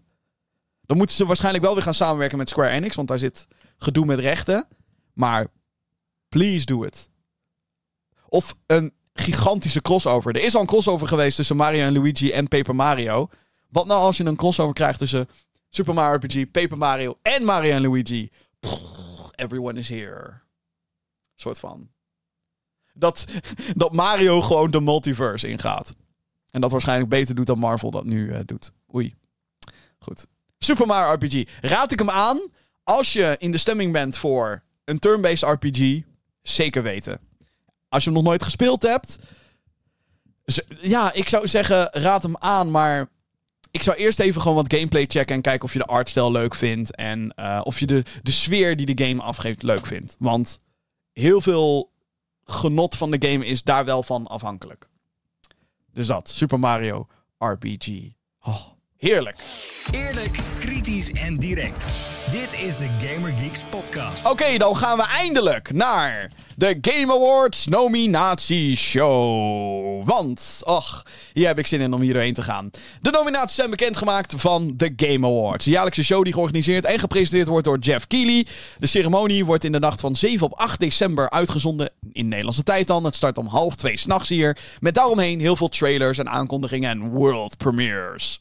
Het is een soort van laatste grote showcase. Mensen kijken ook meer, denk ik, voor de trailers en de aankondigingen dan voor de daadwerkelijke awards. Enfin. Uh, de nominaties die zijn, eh, die zijn uh, tot stand gekomen door verschillende gaming outlets wereldwijd. Power Limited was een van de Nederlandse websites die mee mocht stemmen. Online kan het publiek stemmen op hun favorieten, maar de uitslag hiervan telt slechts voor 10%. De andere 90% is voor de outlets, outlets die zelf ook winnaars hebben uitgekozen in alle categorieën. Dus uh, door alle nominaties heen gaan en stemmen heeft in feite dus weinig zin. De winnaars zijn eigenlijk al gewoon bepaald. Maar we gaan het alsnog doen in deze show, want leuk. Gewoon kijken naar alle nominaties. Uh, beetje toch al soort van een terugblik op het afgelopen jaar. Uh, van de 31 categorieën die er zijn, ga ik er zes overslaan. Zoals de eSports Awards en Content Creator of the Year. Want Best eSports Coach weet ik veel, best e-sports player. Oké, wat maakt een League of Legends speler beter dan een Counter-Strike speler? Geen idee. Echt geen idee. En Content Creator of the Year. De enige reden waarom ik één van de namen ken, dat is Cypher PK, is omdat hij een skin heeft in Fortnite. En dat is letterlijk de enige reden waar ik hem van ken. Voor de rest, geen idee wie het zijn. Ik ben echt helemaal out of touch wat dat betreft, merk ik. Ik ben een boemer. Um, dus die categorieën sla ik allemaal over. Ik heb daar toch geen uh, uh, niks nuttigs over te zeggen. Het zal wel. Whatever. Dus, dat gezegd te hebben, laten we beginnen met de Game Awards nominatieshow. En dan beginnen we bij. Um, oh, wacht, moet ik wel even een. Uh... Goed zo. En dan beginnen we bij Most Anticipated Game. Dus stem vooral mee. TheGameAwards.com trouwens. Als je ook wil stemmen. Wat ik al zei, niet dat het heel veel zin heeft, maar het is leuk. TheGameAwards.com dus. Um, ja, Most Anticipated Game. Daar zijn we in terecht gekomen. Recognizing an announced game that has demonstrably illustrated potential to push the gaming medium forward. Dat is de officiële omschrijving. Oftewel, de game waar we het meeste zin in hebben. En die dus al is aangekondigd. En um, die ook een trailer heeft. De nominaties zijn Final Fantasy VII Rebirth, Hades 2, Like a Dragon Infinite Wealth, Star Wars Outlaws en Tekken 8. Mijn stem gaat persoonlijk naar Tekken 8. Ik heb deze game gespeeld op Gamescom. Ik ben groot Tekken fanboy. Ik, uh, en, en het speelde heerlijk. Het zag er. Tekken 8 ziet er fantastisch uit. Er zijn allemaal playtests gaande op dit moment. Um, de game komt in januari uit, overigens, Tekken 8. Um, en van wat ik hoor uit de community is dat ze echt helemaal dol zijn op Tekken 8. Dus de, de return of Tekken voor mij. Dit is mijn fighting game, zeg maar. Tekken is, is my boy. Um, verder, Star Wars Outlaws. Heel veel zin in. Ziet er wel alleen uit als een Ubisoft game. Maar dan Star Wars. Daar is aan zich niks mis mee. Uh, ben heel erg benieuwd hoe het gaat zijn. Um, ik denk dat dat ook een gigantische game wordt. Like a Dragon. Ik heb niet heel veel met de Like a Dragon slash Yakuza franchise. Dus nou, dat, dat, ik denk ook niet dat die gaat halen, denk ik. Um, en Hades 2, dat wordt, dat wordt echt wel te gek hoor. Hades 1 is een van de beste roguelike games ooit. Um, wat mij betreft. En Hades 2 wordt ook heel erg goed. Daar niet van. Maar die game gaat in early access gereleased worden. En ik weet niet. Waarom zou je dat doen? Ja, waarschijnlijk om feedback te krijgen en zeg maar die content uitrol weer te doen. Maar het schijnt wel zo te zijn dat de early access release echt wel substantieel gaat zijn en dat ze daarop gewoon alleen maar gaan toevoegen. Degene die ik denk dat gaat winnen is Final Fantasy VII Rebirth, want ik ben niet echt een Final Fantasy guy. Ik heb part 1 remake van de remake zeg maar uh, nog steeds liggen, moet nog een keer gaan spelen, maar de buzz die er was omtrent Final Fantasy VII Rebirth was best wel heel erg groot. En uh, dus denk ik dat uh, die gaat winnen. Ik denk dat die gaat winnen. Ik hoop zelf op Tekken 8. Dat is mijn persoonlijke favoriet. Oké, volgende categorie. Ja. Dat is Best Adaptation. Recognizing outstanding creative work that faithfully and authentically adapts a video game to another entertainment medium. Oftewel, uh, beste televisieserie slash film gebaseerd op videogames. Dit is een categorie die nu gewoon kan gaan gebeuren. Hoe vet is dat? Nominaties zijn Castlevania Nocturne, een uh, anime-serie op Netflix. De Gran Turismo film. De Last of Us-serie op HBO. De Super Mario Bros. movie. En de Twisted Metal-serie op Peacock. Um, ik heb uh, persoonlijk Twisted Metal niet gezien, want ik heb geen Peacock. Ik heb geen idee of die in Nederland überhaupt te bekijken is, ergens officieel. En Castlevania Nocturne heb ik ook nog niet gezien. Ik heb wel wat was het, twee seizoenen, drie seizoenen gezien van de OG Castlevania Netflix-serie. En die was uh, heel erg goed. De Gran Turismo film vond ik verrassend. Als in, ik vond het een goede film. Niet baanbrekend. Ook op momenten heel erg, haha, wij zijn Sony. Haha, haha, hier is promo voor Sony. Um, dus nou ja, dat. Um, en de hele tijd al based on a true story. Er waren een paar cringe scènes, maar voor over het algemeen was het een prima racingfilm, zeg maar. De Super Mario Bros. movie was financieel gezien het, uh, het grootste. Groot succes. Hele toffe film wat mij betreft. Heel erg vet. Het is bijna zonde dat hij samen genomineerd is met The Last of Us. Want dat is waar mijn stem naartoe gaat. Dit was een uitstekende, uitstekende vertaling van de game. Met her en der wat veranderingen, wat het interessant maakt. Uh, het, het, het veranderde dingen ten opzichte van de game qua verhaal ook en zo. Maar niet dat het de kern uh, per se verraadt. Wat, um, wat ik heel knap vind. En ook qua hoe het eruit ziet, het acteerwerk van met name Bella Ramsey als Ellie. Oh, dat was heel erg goed. En, en met name de derde aflevering. De aflevering met Bill is nog steeds zo ontzettend impactvol prachtserie. Ik denk, ik hoop dat deze gaat winnen. En ik denk ook dat deze gaat winnen. Want als er iets. Um, nou ja, als, als er iets hoog geprezen is, dan is het wel alles wat met The Last of Us te maken heeft, schijnbaar. En deze serie is daar geen uitzondering in. Ontzettend goed. Dus love it. The Last of Us. Ik denk en hoop dat deze gaat winnen. Mijn stem gaat naar The Last of Us. Dan gaan we naar de categorie Best Multiplayer. Officiële omschrijving is: For outstanding online multiplayer gameplay and design, including co-op and massively multiplayer experiences, irrespective of game genre or platform. Dus de game die de beste multiplayer ervaring biedt. Nominaties zijn Baldur's Gate 3, Diablo 4, Party Animals, Street Fighter 6 en Super Mario Bros. Wonder. Ehm heel veel nominaties hier vind ik raar. Ten eerste Diablo 4. Eh, wat? wat doet deze in deze categorie? Ik bedoel, het heeft multiplayer. Sure, je wordt geforceerd om in een online wereld rond te lopen waarin je mannetjes ziet en die ook monsters afslachten, maar dat is het. Ja, er zijn wat world bosses nu waar je met z'n allen naartoe kan lopen en nou, wat baanbrekend niet wat ik zeg, outstanding online multiplayer gameplay en design. In mijn optiek. Dus die valt wat mij betreft af. Party Animals niet gespeeld. Maar dit is een soort van Fall Guys meets... God, hoe heet die, hoe heet die game? Gang Beasts of zo? grappig, zeker. Ik denk hilarisch. Maar best multiplayer? Nee. Super Mario Bros. Wonder. Nou, nu is het zo, ik vind Super Mario Bros. Wonder een prachtige game. Echt waar. Maar dat hele Dark Souls-achtige, waarin je geluidjes hoort en de hele tijd andere mensen ziet rondspringen. Misschien ben ik te oud. Misschien word ik gewoon te oud voor deze shit. Maar niet mijn, niet mijn cup of tea. Dan blijven er over Baldur's Gate 3 en Street Fighter 6.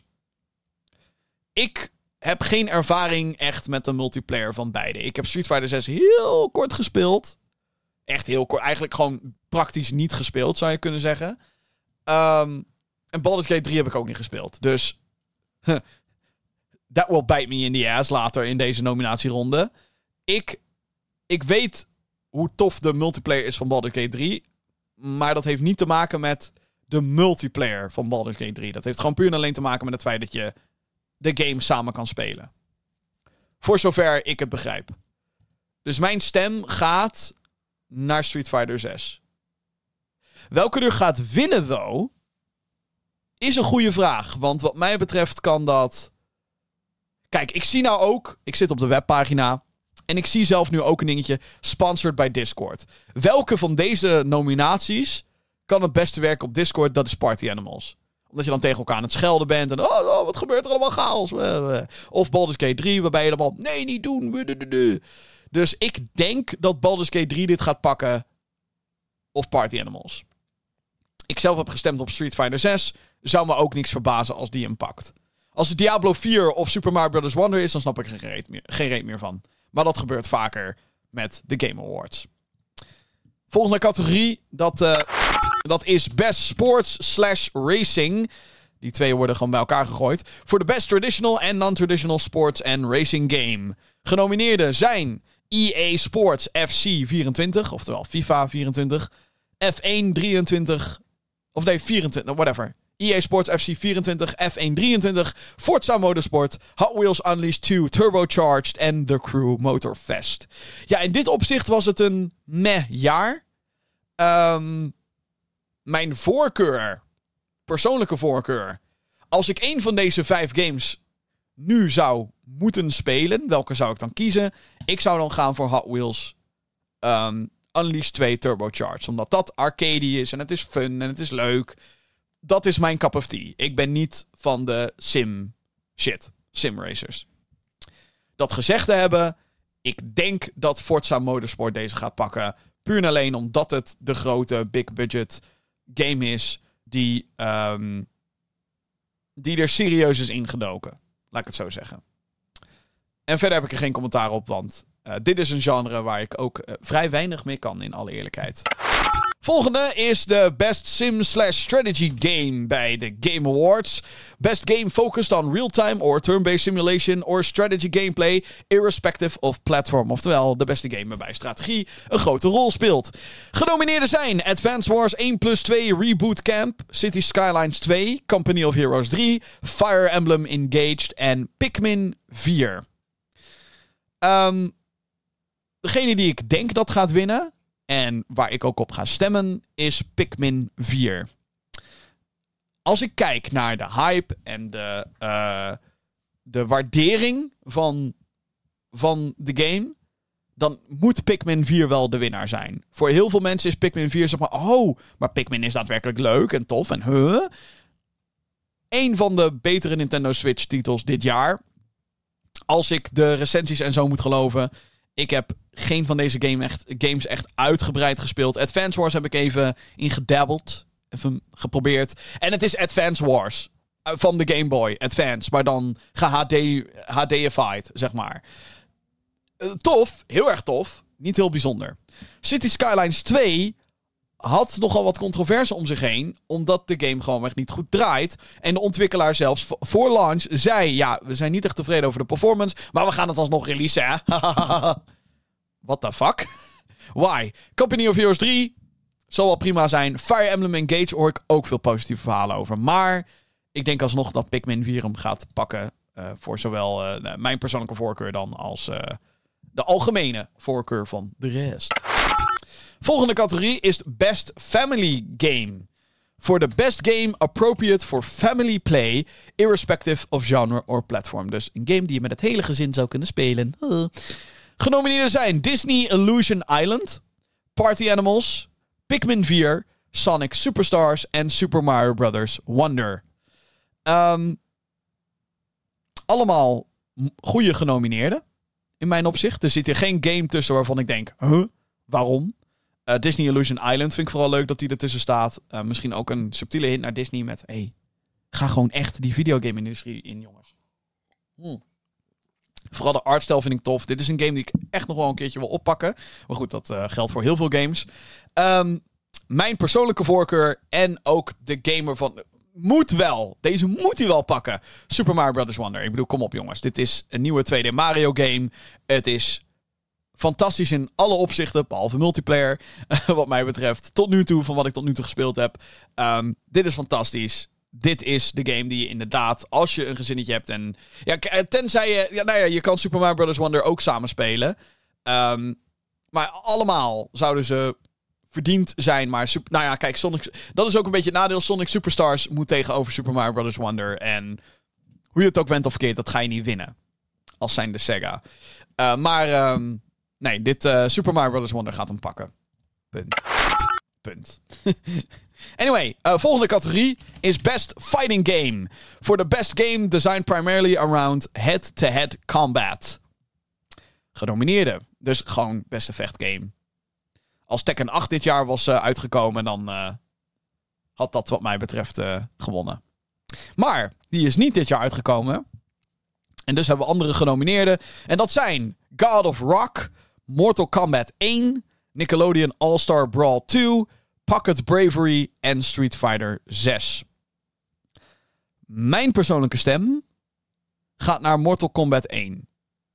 Dat is meer, dat is gewoon. Eh, eh, want eigenlijk zijn er maar twee contenders hier, wat mij betreft: Mortal Kombat en Street Fighter. Die andere drie, leuk voor jullie dat jullie een, uh, een nominatie hebben, maar jullie gaan niet winnen. Gewoon, het klinkt keihard, maar dat is soms gewoon zo.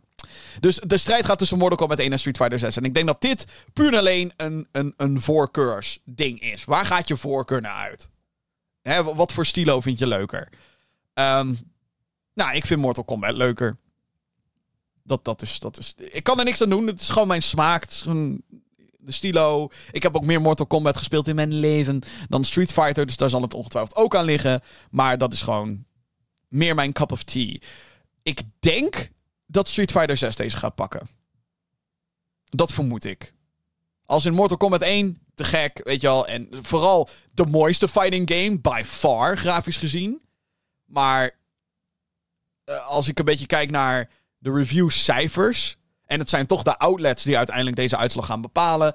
Uh, Mortal Kombat 1 zat tussen de 8 en de 8,5. En Street Fighter zat al heel snel tussen de 8,5 en een 9. Dus op basis daarvan denk ik dat Street Fighter hem gaat pakken. Maar ik zou niet verrast zijn en ik hoop ook dat Mortal Kombat 1 wint. Dan gaan we naar beste RPG, best role-playing game. officiële omschrijving van deze categorie is: For the best game designed with rich player character customization and progression, including massively multiplayer experiences. Dus MMORPG's mogen ook meedoen. En verder gaat het er vooral ook om uh, omdat je kan levelen. Uh, en een game die daar heel erg over gaat, die uh, mag meedoen wat betreft de nominaties.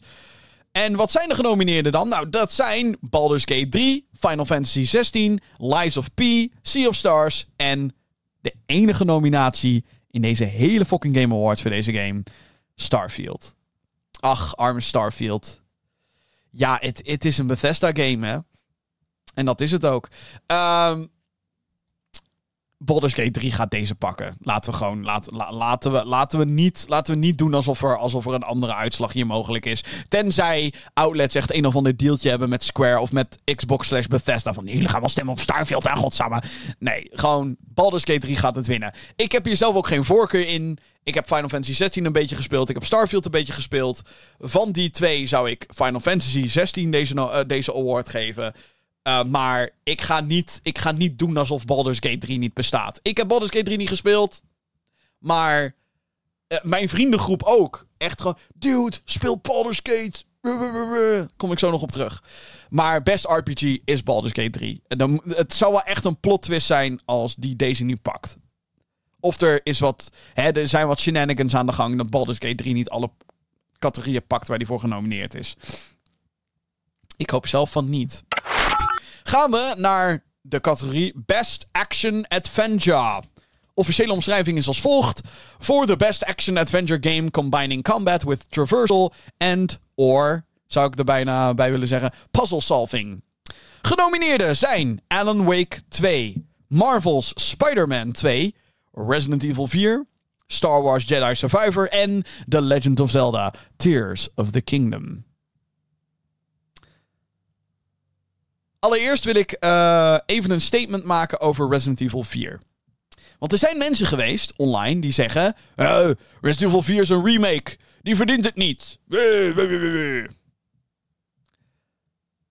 Kijk, en, en hier ben ik zelf ook verdeeld over. Want een aantal van mijn favoriete games van dit jaar zijn remasters en of remakes.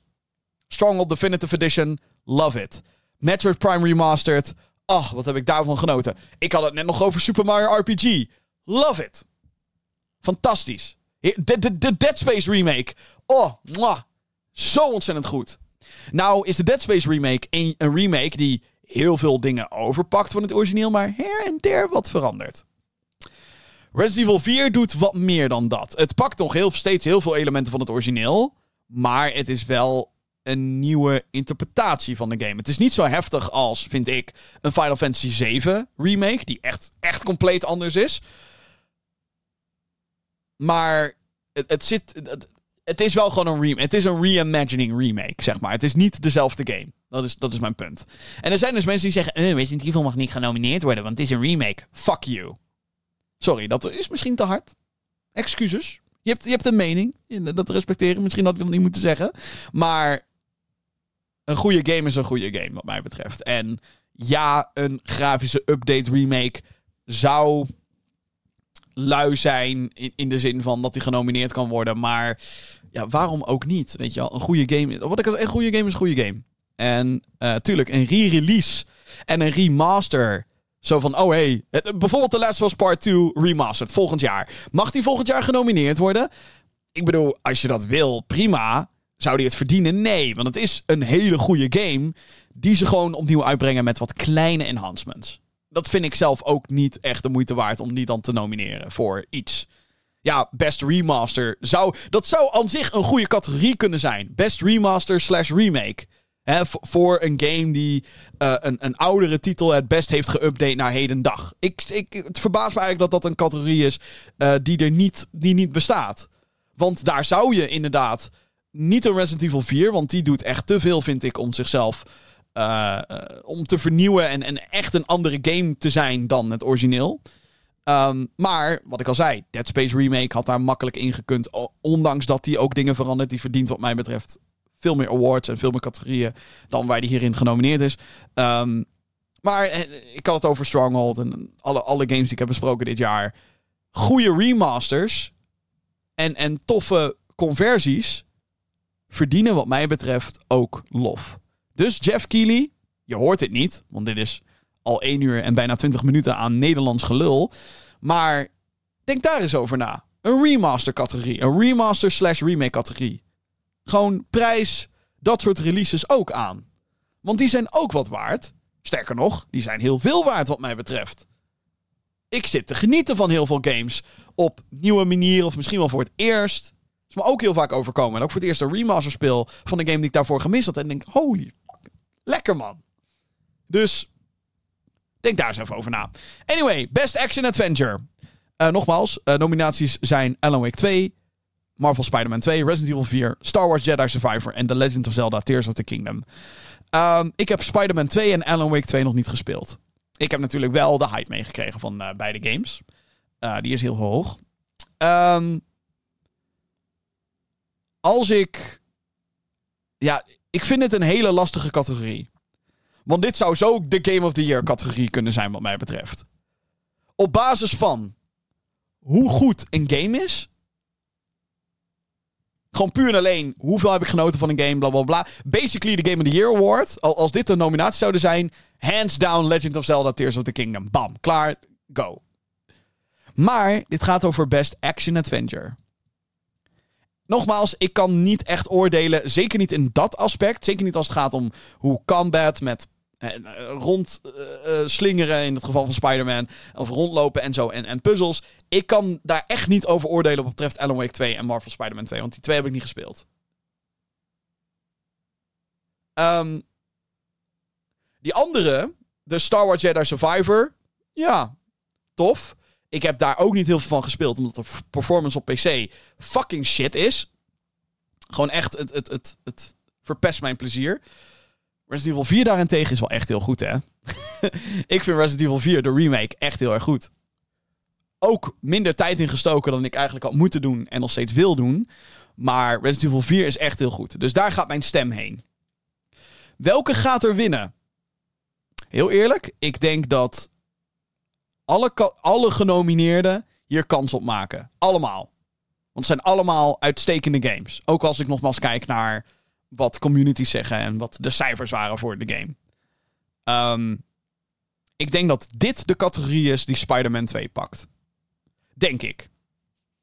Gewoon omdat het als Spider-Man heel erg tof is om rond te slingeren.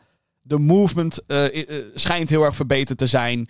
De gameplay is veel beter dan de eerste game. Het verhaal was vooral minder dan de eerste game. Is wat ik meekrijg. Zelf niet gespeeld. Ik wilde heel graag zelf over oordelen. Ik heb Spider-Man 2 inmiddels besteld. Want ik heb nu een SSD in mijn PS5 gebouwd. Dus ik heb gewoon genoeg ruimte. En dan kan ik stressloos Spider-Man 2 gaan spelen. Um, en andere games nog op mijn PlayStation blijven zetten.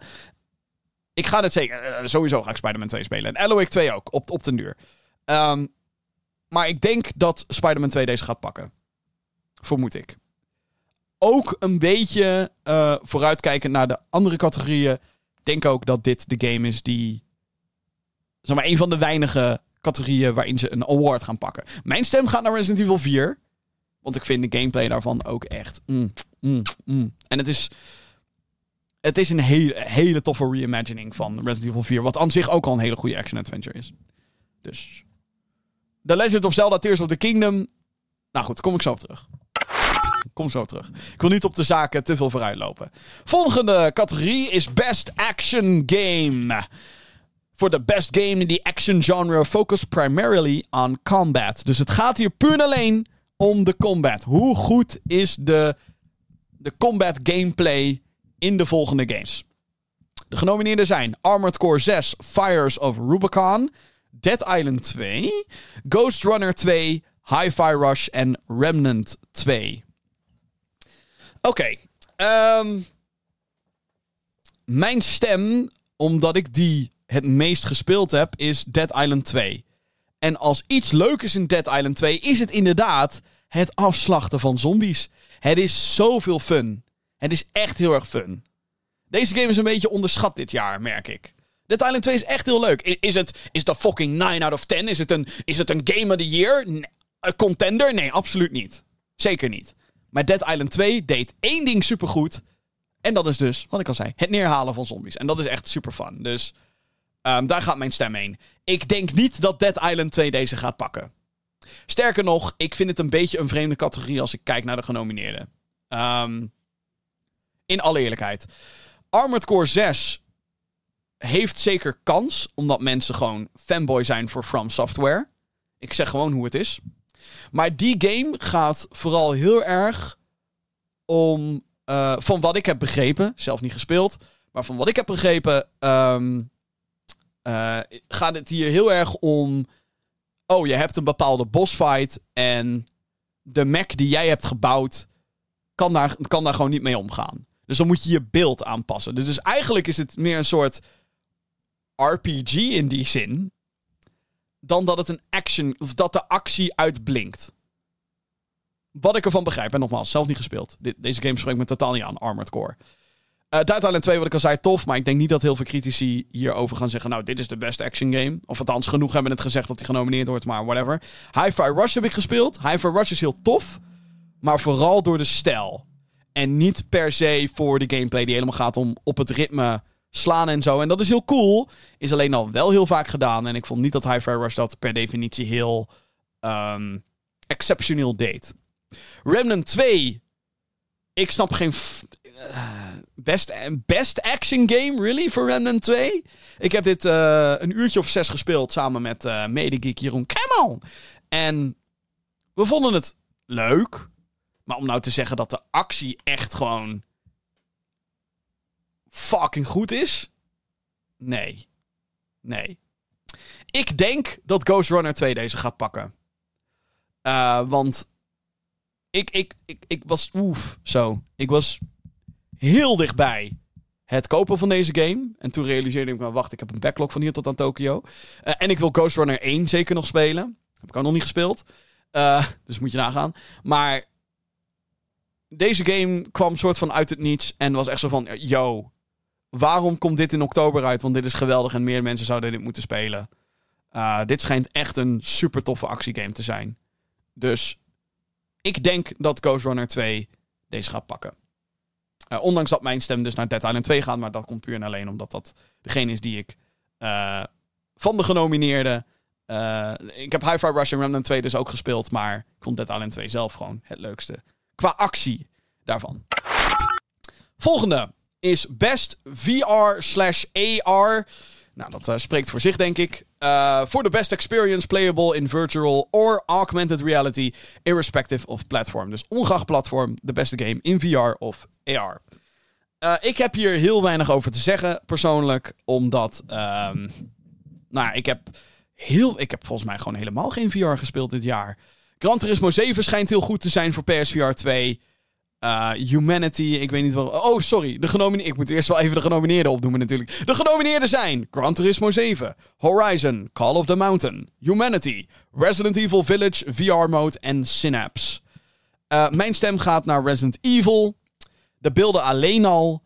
Uh, 2D-beelden, denk ik, oeh, no fucking way dat ik dit wil gaan doen, omdat het zo ontzettend creepy is. Um, het ziet er heel indrukwekkend uit, Resident Evil Village in VR. Ik heb gehoord dat Gran Turismo 7 ook indrukwekkend is.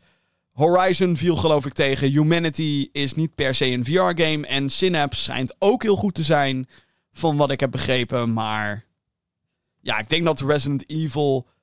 Het is of Resident Evil of Gran Turismo die hem gaat pakken. Voor mij om het even welke het is. Ik ben zelf meer fan van Resident Evil. En dus gaat mijn stem daarheen. Dat was best kort, toch? Gaan we naar nog een hele korte categorie waar ik ook niks over te zeggen heb. Best Mobile Game voor de best game playable on a mobile device. Genomineerden zijn Final Fantasy VII Ever Crisis, Hello Kitty Island Adventure, Honkai Star Rail, Monster Hunter Now en Terra Nil. Uh, ik heb geen idee. Ik heb echt geen idee. Monster Hunter Now. What the fuck is dat voor game? Ik, ik heb geen idee wat het... Oké, Hello Kitty Island Adventure is volgens mij een soort van Animal Crossing. Geloof ik. Honkai Star Rail, echt geen idee. Um, ik denk dat Final Fantasy 7 pakt. Ik heb letterlijk geen idee. Ik heb geen idee. Wil ik je commentaar op geven verder? Ik weet wel wat Terra Nil is. Dat is een soort anti- anti-city builder. Dus je moet van, ehm, zeg maar, gebieden die naar de kloten zijn geholpen door de menselijkheid, die moet je weer groen maken. Ik weet niet of dat fijn is om op mobiel te spelen, though. Ja, het zou me niks verbazen als Honkai Star Rail dit weer pakt, want dat is van Hoyoverse. De mensen achter Genshin Impact. Dus eh, ja, weet je. I don't, I don't care. Met alle respect, maar I don't care. We hebben nog heel veel categorieën te gaan, jongens. Dus eh, laat ik even opschieten anders.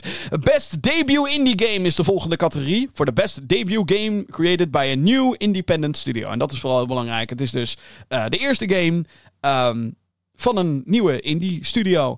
Genomineerden zijn Cocoon door Geometric Interactive. Dredge door Black Salt Games. Pizza Tower door Tour de Pizza. Venba door Visai Games. En Viewfinder door Sad Al Studios. Ik stem voor Pizza Tower. Het is een soort van Wario Land-achtige game. Uh, het ziet er echt fantastisch uit. Aparte artstijl. Um, van, wat, van wat ik heb begrepen is dat Cocoon echt supergoed is als puzzelgame. En Viewfinder ook. Dat is dat je een foto maakt van iets. En dat kan je dan vervolgens in de wereld brengen. Het is heel erg mindfuckery. Um, ik denk dat een van die twee gaat winnen. Cocoon of Viewfinder. Maar Pizza Tower, daar stem ik voor. Want die artstijl vind ik te gek. En Wario Land. We, we hebben meer Wario Land nodig in het leven. Volgende is Best Independent Game. Dus dat is dan niet langer alleen maar uh, mensen of, of, studio's die voor het eerst een game uitbrengen, maar gewoon algemeen beste indie game. Uh, officiële omschrijving is for outstanding creative and technical achievement in a game made outside the traditional publisher system. Uh, hier ben ik het niet mee eens met deze fucking omschrijving. In a game made outside the traditional publisher system. Wat bedoel je hier exact mee? Want, uh, eens even kijken. Genomineerden zijn Cocoon, Dave the Diver, Dredge, Sea of Stars en Viewfinder. Bij drie genomineerden staat naast een ontwikkelaar ook gewoon een publisher. Een uitgever. Dredge wordt uitgegeven door Team 17. Cocoon wordt uitgegeven door Annapurna Interactive. En Viewfinder is uitgegeven door Thunderful Publishing. Wat is daar niet traditioneel aan? Het feit dat het niet een het feit dat het niet EA of Ubisoft of, of PlayStation is. Rare omschrijving. Rare omschrijving dit. Sowieso is natuurlijk. Hè, je zou al eigenlijk kunnen zeggen dat independent dan al niet meer klopt. Sowieso is dat woord helemaal verneukt door gaming-industrie. Omdat heel veel indie games, dus aanhalingstekens, uitgegeven wordt. Waardoor een studio of de game is dan zelf al niet meer independent. Het is dependent op een uitgever. Hè? Maar goed, je zou dan nog kunnen zeggen dat de uh, studio in kwestie dan niet per se verbonden is aan een publisher. I guess. Rare omschrijving. Ik heb hier altijd moeite mee met dit soort shit. Goed, uh, welke game gaat er winnen? Er zijn wat mij betreft twee games die kans maken op deze award. Um, ik heb geen van deze games gespeeld. Geen van de genomineerden. Um, maar als ik kijk naar de hype en, en nogmaals wat critici erover hebben gezegd, dan zijn Sea of Stars en Dave the Diver de grote kanshebbers. En als we kijken naar critici en cijfers, dan wint Dave the Diver. Als we kijken naar overall hype en de impact, dan is het Sea of Stars. Um, een RPG die uh, uh, echt heel goed is ontvangen. Die ook op mijn wishlist staat in, ja, ik blijf het maar zeggen. Ach, wat is het druk allemaal, hè. Sea of Stars of Dave the Diver gaat dit pakken. Ik stem dan zelf voor Sea of Stars. Volgende categorie is Best Community Support. Ja, dit, dit wordt een beetje vaag. Recognizing a game for outstanding community support, transparency and responsiveness, inclusive of social media activity and game updates slash patches. Dus de game die zeg maar het beste communiceert met hun community en uh, de beste patches uitbrengt, et cetera, et cetera, et cetera. Um, als reactie op de community. Genomineerden zijn Baldur's Gate 3, Cyberpunk 2077, Destiny 2, Final Fantasy XIV en No Man's Sky. Um, Destiny 2 valt wat mij betreft meteen af. Die mensen hebben een fucking community manager. Of Bungie heeft een fucking community manager onlangs ontslagen. Omdat mensen hogerop niet kunnen rekenen. Want oh ja, we hebben onze projections gemist, jongens. De expansion heeft het niet zo goed gedaan. We ontslaan lekker mensen die daar niks aan kunnen doen. Fuck you. Destiny 2 valt wat mij betreft helemaal af. Gewoon... Als zij winnen, als Bungie wint... Ja, dan, dan is er gestemd voordat dat hele nieuws naar buiten kwam. Kan niet anders. Uh, en daarnaast heb ik gehoord dat, de, eh, dat, dat, dat, dat vooral de laatste expansion niet heel veel goeds heeft gedaan voor Destiny 2. En dat klinkt voor mij als je hebt niet geluisterd naar je community. Dus valt af. Cyberpunk 2077. Uh, ja, eindelijk is er een grote patch uitgekomen dit jaar. En eindelijk een, een, een expansion ook. Uh, dat had de game in eerste instantie moeten zijn. Dus die valt ook af. Wat, in mijn ogen, wat mij betreft. Um, ik neig toch weer naar Final Fantasy of No Man's Sky. Um, ik weet het eigenlijk niet zo goed waar ik op zou moeten stemmen. En ik weet eigenlijk. Ik vind het een hele lastige categorie om iets in te gokken en te raden. Maar. Ik stem voor Final Fantasy XIV. En ik denk dat of Final Fantasy XIV me pakt of Baldur's Gate 3. Um, maar dan, het, het nadeel van deze categorie is dat omdat het echt gaat om community support, moet je dat dus echt helemaal weten. En sorry, ik heb geen tijd om in communities te duiken in games die ik niet speel. en daarna Cyberpunk is singleplayer, dus ja, altijd wat lastiger wat betreft de community. Maar goed, het verleden. CD Projekt Red, the internet never forgets. We zouden het niet moeten vergeten. Dus ja. Volgende categorie is eigenlijk die er, uh, een categorie die er heel erg aan gelineerd is. Best Ongoing Game. Awarded to a game for outstanding development of ongoing content that evolves the player experience over time. Genomineerden zijn Apex Legends, Cyberpunk 2077, Final Fantasy XIV, Fortnite en Genshin Impact.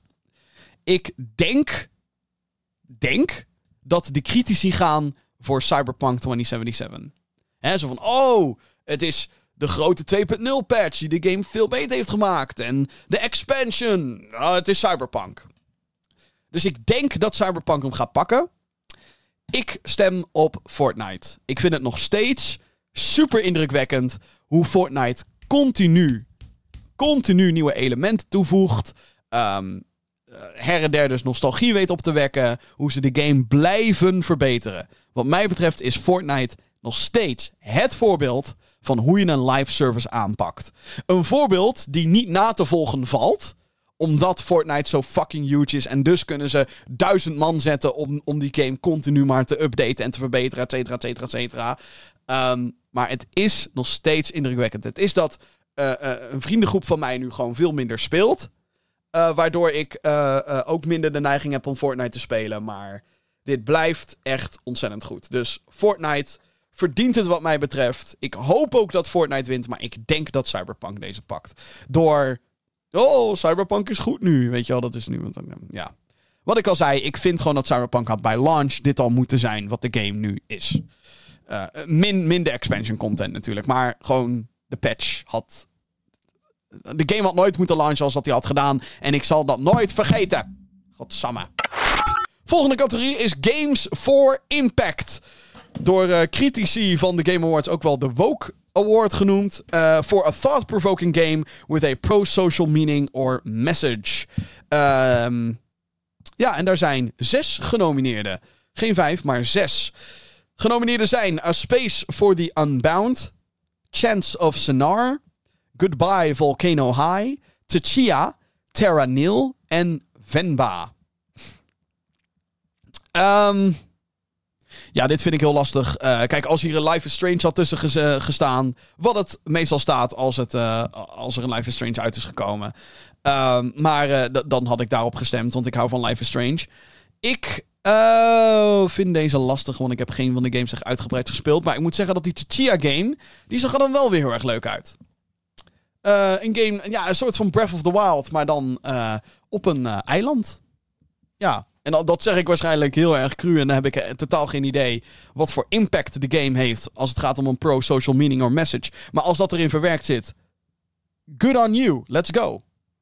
Ehm, ja, de rest heb ik gewoon niet gespeeld. Je kan, ja, dit is, dit is typisch zo'n categorie dat.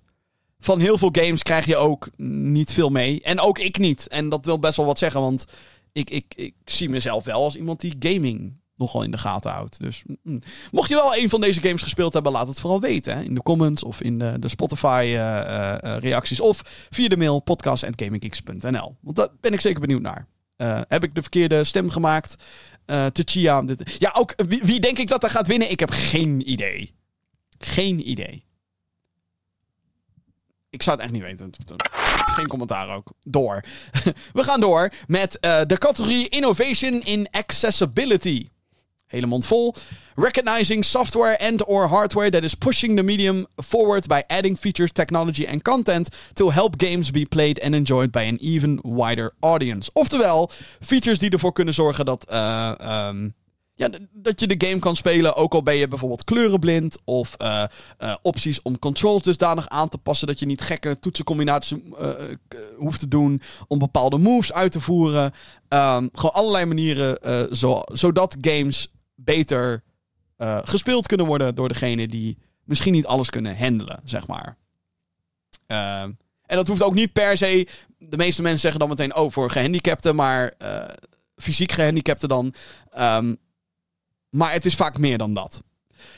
Genomineerden zijn Diablo 4, Forza Motorsport, Hi-Fi Rush, Marvel Spider-Man 2, Mortal Kombat 1 en Street Fighter 6. Ik heb geen idee ook. Wat een kutcategorie allemaal. Um, ja, ik, ik let niet heel veel op dit soort dingen eigenlijk. Um, behalve als er een marketingpunt van wordt gemaakt die in mijn gezicht gedouwd wordt. Ik weet niet per se wat Diablo 4 nou per se doet in innovation in accessibility. Weet je wat accessible zou zijn, Blizzard? Als je een fucking offline mode zou hebben in je fucking game. En dat heeft Diablo 4 niet, dus fuck Diablo 4. Uh, Mortal Kombat 1 geen idee wat zij doen om het meer accessible te maken. Ik, heb, uh, ik weet het niet. Ik denk Spider-Man 2. Ik heb, of Forza Motorsport. Nou, wacht. Ik denk Forza Motorsport. Ik denk wel dat dat de game is die uh, in dat aspect het meeste doet. Maar dat is puur en alleen een vermoeden op basis van uh, Xbox en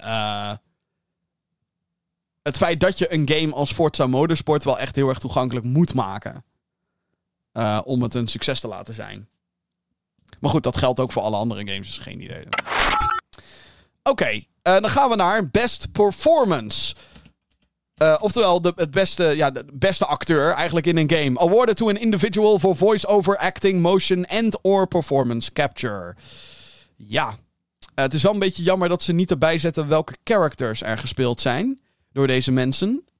Uh, maar wel acteur en uit welke game ze komen. Dus genomineerden zijn Ben Starr uit Final Fantasy XVI. Cameron Monaghan uit Star Wars Jedi Survivor. Idris Elba in Cyberpunk 2077 Phantom Liberty. Melanie Libbert in Alan Wake 2. Neil Naban uit Baldur's Gate 3. En Yuri Lowenthal in Marvel Spider-Man 2. Uh, ben Starr is geloof ik Clive? Cameron Monaghan is gewoon de main, uh, main character. Uh, God, hoe heet hij? Oh, een blackout. Hoe heet die guy? Cal Kestis, dat is hem. Zie je, de Game Awards, dit is waarom je de characters er gewoon bij moet zetten. Uh, Idris Elba is gewoon die guy in Cyberpunk. Ik denk dat Melanie Libbert main character, een van de twee main characters is in Alan Wake, denk ik. En wie Neil Naban is in Baldur's Gate 3, ik heb geen idee. Yuri Lowenthal is Peter Parker in Spider-Man 2. Um, wederom is dit een van de categorieën die je echt pas kan beoordelen als je uh, alles hebt gespeeld. Zeg maar. Ik weet dat Peter Parker wel echt heel goed gespeeld wordt door uh, de gast die hem doet in de game. Uh, maar ik heb ook gehoord dat Idris Elba het ontzettend goed heeft gedaan in Cyberpunk 2077. Dit is voor mij om het even. Uh, ik vind Idris Elba een hele coole dude. Uh, Cameron Monaghan ook hoor, de gast die in Star Wars Survivor speelt. Um, maar om nou te zeggen dat ik zijn performance, zeg maar, exceptioneel goed vond. Van wat ik tot nu toe heb gespeeld. Nee, niet per se. Dus ja, welke het wordt. Het, het, het, het zal allemaal wel, joh. We zitten een beetje in een dal, hè, qua, qua categorieën waar ik niet heel veel om care. Nou goed, uh, volgende dan. Best Audio Design. Recognizing the best in-game audio, sound en design. Dus het gaat niet om de muziek, het gaat om hoe geluiden zijn verwerkt in de game. Genomineerden zijn Alan Wake 2, Dead Space Remake, Woo! Hi-Fi Rush, uh, Marvel Spider-Man 2 en Resident Evil 4. Van de games die ik hier heb gespeeld, Resident Evil 4 heeft excellent sound design. Echt heel erg goed. Dead Space doet het beter. Dead Space is zo ontzettend eng door hetgeen wat je allemaal om je heen hoort. Daar gaat mijn stem heen. Wie denk ik dat er gaat winnen? Ik denk dat dit, uh, ondanks dat ik heel erg wil houden van Dead Space Remake, ik denk dat dit gaat tussen Alan Wake 2 en Resident Evil 4. Maar ik, zal, ik ben een heel blij man als, um, als Dead Space deze pakt. En ik gun het Motive, de studio achter de game, en EA in dit geval, heel erg. Dat Dead Space in ieder geval een award pakt. Dus best audio design, wat mij betreft, naar Dead Space. Ik denk uh, dat de critici gaan voor Alan Wake 2, uh, dan wel Resident Evil 4. Volgende categorie is Best Score and Music. Nou ja, zegt het eigenlijk al. For Outstanding Music, inclusive of Score, Original Song and or Licensed Soundtrack. Genomineerden zijn Alan Wake 2, Baldur's Gate 3, Final Fantasy 16, Hi-Fi Rush en The Legend of Zelda Tears of the Kingdom. Oef. Ja. Dit is ook weer zo'n gevalletje. Je moet het eigenlijk allemaal gespeeld hebben, hè? Um, Hi-Fi Rush heeft een ontzettend toffe soundtrack en uh, maakt uh, heel erg goed gebruik van een aantal gelicenseerde nummers. Vind ik tof. Uh, om te zeggen dat hij dan zo'n award verdient, weet ik niet. Ik vond de score de muziek van Final Fantasy 16 echt ontzettend goed. Daar gaat mijn stem heen. Ik denk dat, heel eerlijk, het is geen slechte soundtrack of whatever. Maar ik denk dat The Legend of Zelda Tears of the Kingdom hier een beetje kansloos is. Um, want het is, het is een goede soundtrack. Maar het is voor, een groot deel ook gewoon hergebruikt uit Breath of the Wild. Um, en als, het is niet per se alsof dat element in de game exceptioneel goed is. In mijn opinie. Uh, ik denk dat dit gaat tussen Final Fantasy 16, Alan Wake 2 en Baldur's Gate 3. Um, dat. ja, heb ik daar echt een reden voor? Nee. Um, want ik heb eigenlijk nul muziekstukken uit Alan Wake 2 en Baldur's Gate 3 uh, ge gehoord. En ik hoor sommige mensen nu al roepen: Wat? Hoe durf je? Wat? Sorry, niet gehoord. Niet gespeeld en dus ook niet gehoord. Volgende categorie is Best Art Direction. For outstanding creative and or technical achievement in artistic design and animation. Je zou dit kunnen uh, samenvatten als beste graphics. Genomineerden zijn Alan Wake 2, Hi-Fi Rush, Lies of P, Super Mario Bros. Wonder en The Legend of Zelda Tears of the Kingdom. Um, lastig deze. Hi-Fi Rush gaat hem sowieso niet winnen, denk ik. Toffe artstijl, zeker. Heel erg tof. Ik bedoel, niet, niet dat ik hierbij wil zeggen slechte graphics, absoluut niet. Um, maar ja, gewoon tof. Niet. Nou ja, de, de, ik wilde zeggen niet exceptioneel. Wel een beetje. Als in heel erg goed. Niet dat ik zeg Game Award, instant, here you go. Hier, hier is een beeldje. The Legend of Zelda Tears of the Kingdom. Wederom, toffe artstijl. Heel erg tof. Ik hou van de look van deze game. Fantastisch. Is het technisch gezien ook indrukwekkend hoe ze dit allemaal op de Switch hebben gekregen? Zeker weten. Het is alleen wel dezelfde artstijl als Breath of the Wild. Die game van zes jaar geleden. Is dat erg? Nee, tuurlijk niet. Het is een sequel. Helemaal niet erg zelfs, maar verdient het dan een award als deze? Nee. Nee, wat mij betreft ook niet. Alan Wake 2 ziet er ontzettend goed uit. Daar hoef je de game niet voor gespeeld te hebben om dat te zien. Holy shit. Uh, ik heb zo'n vermoeden dat die gaat winnen. Lies of P is ook een goede kanshebber. Ik heb daar dan wel de demo van gespeeld. Twee uur lang of zo. En oh, de Bloodborne vibes en de, hele aparte uh, From Software Souls-like-achtige sfeer. Super goed gedaan. Maar, daar ga je al, het is wel een beetje gejat. Niet dat dat afbreuk doet aan het art design overigens, maar nou ja, wel een beetje. Want ik, ik, ik, veroordeel het. Ehm, maar ook een hele mooie game. Ook kanshebber. Super Mario Bros. Wonder is waar mijn stem naartoe gaat. De creativiteit die daarin zit. En hoe ze Mario weer een... Gewoon echt helemaal nieuwelijk verf hebben gekregen. Alsof het weer gewoon... Ja, helemaal nieuw is. Love it. Eh, de box art die je ook... Eigenlijk is de box art van Super Mario Bros. Wonder heel slecht. Want ik zit daar nu ook naar te kijken. Want dat is heel traditioneel Mario. Terwijl eigenlijk hadden ze veel meer die artstijl van, uh, van de game uh, op de box art moeten verwerken, vind ik. Uh, prachtige art. Daar gaat mijn stem heen. Wint het? Daar twijfel ik over. Het zou heel goed kunnen dat Super Mario Bros. Wonder wint. Ik zou het verdiend vinden. Maar ik denk ook dat Lies of P en Alan Wake 2 kans maken hierop. Gaan we naar Best Narrative. Voor Outstanding Storytelling en Narrative Development in a Game. Uh, beste verhaal. Zou je dit uh, vrij naar kunnen vertalen. Genomineerden zijn Alan Wake 2, Baldur's Gate 3, Cyberpunk 2077, Phantom Liberty, Final Fantasy 16 en Marvel's Spider-Man 2.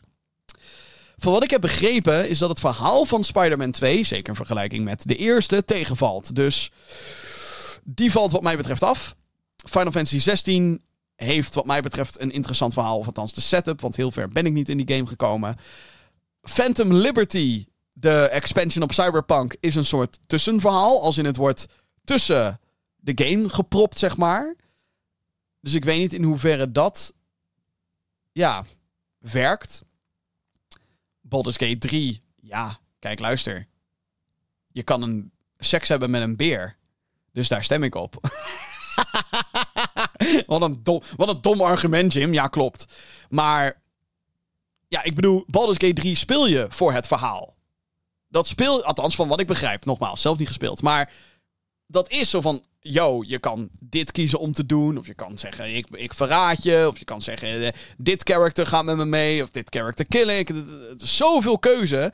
En het schijnt allemaal supergoed verwerkt te zijn. Alan Wake 2, van, ook van wat ik heb gehoord, fucking goed verhaal. Super spannend, super creepy, super vaag op sommige plekken daar waar het hoort. Uh, heel veel zin in om dit ooit te gaan spelen. Ik denk dat Baldur's Gate 3 deze gaat pakken. Maar Alan Wake 2 zou het ook heel goed kunnen zijn. Uh, beide zijn ze het gegund, wat mij betreft. Gaan we naar de ene laatste categorie. Best Game Direction. Awarded for Outstanding Creative Vision and Innovation in Game Direction and Design. Ik heb deze categorie nooit begrepen. Omdat... Um, dit klinkt als gewoon Game of the Year, maar dan net niet. Uh, het, klinkt, het klinkt als een soort van zilveren medaille. Dat als. Er zijn zeker wel uh, titels geweest in het verleden die en Best Game Direction hebben gehad en uh, Best Game of the Year. Um, maar het is ook heel vaak zo dat de Game of the Year niet Best Game Direction wint. Zo van, oh ja, ja, dan krijg jij ook een soort van Game of the Year Award, maar dan net niet. Zo, zo voelt het echt. Genomineerden zijn voor Best Game Direction Alan Wake 2, Baldur's Gate 3, Marvel's Spider-Man 2, Super Mario Bros. Wonder en The Legend of Zelda Tears of the Kingdom. Uh, het, het, het, is ook zo'n vaag begrip.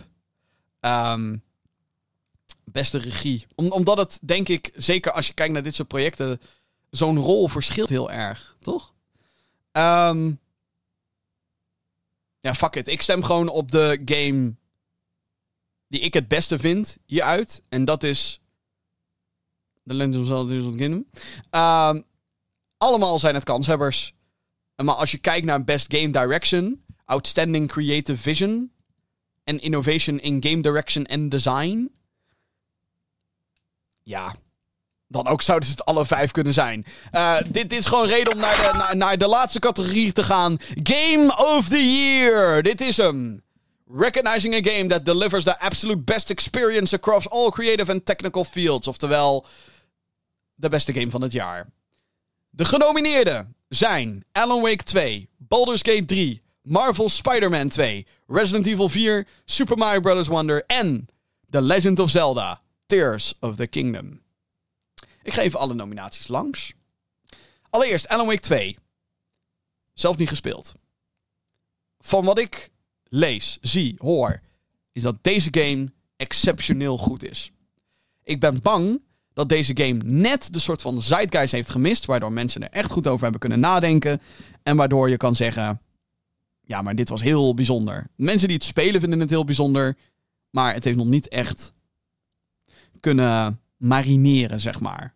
En ik denk dat hij daardoor deze award in ieder geval gaat mislopen. Ik denk wel dat Alan Wake 2 heel veel andere nominaties pakt.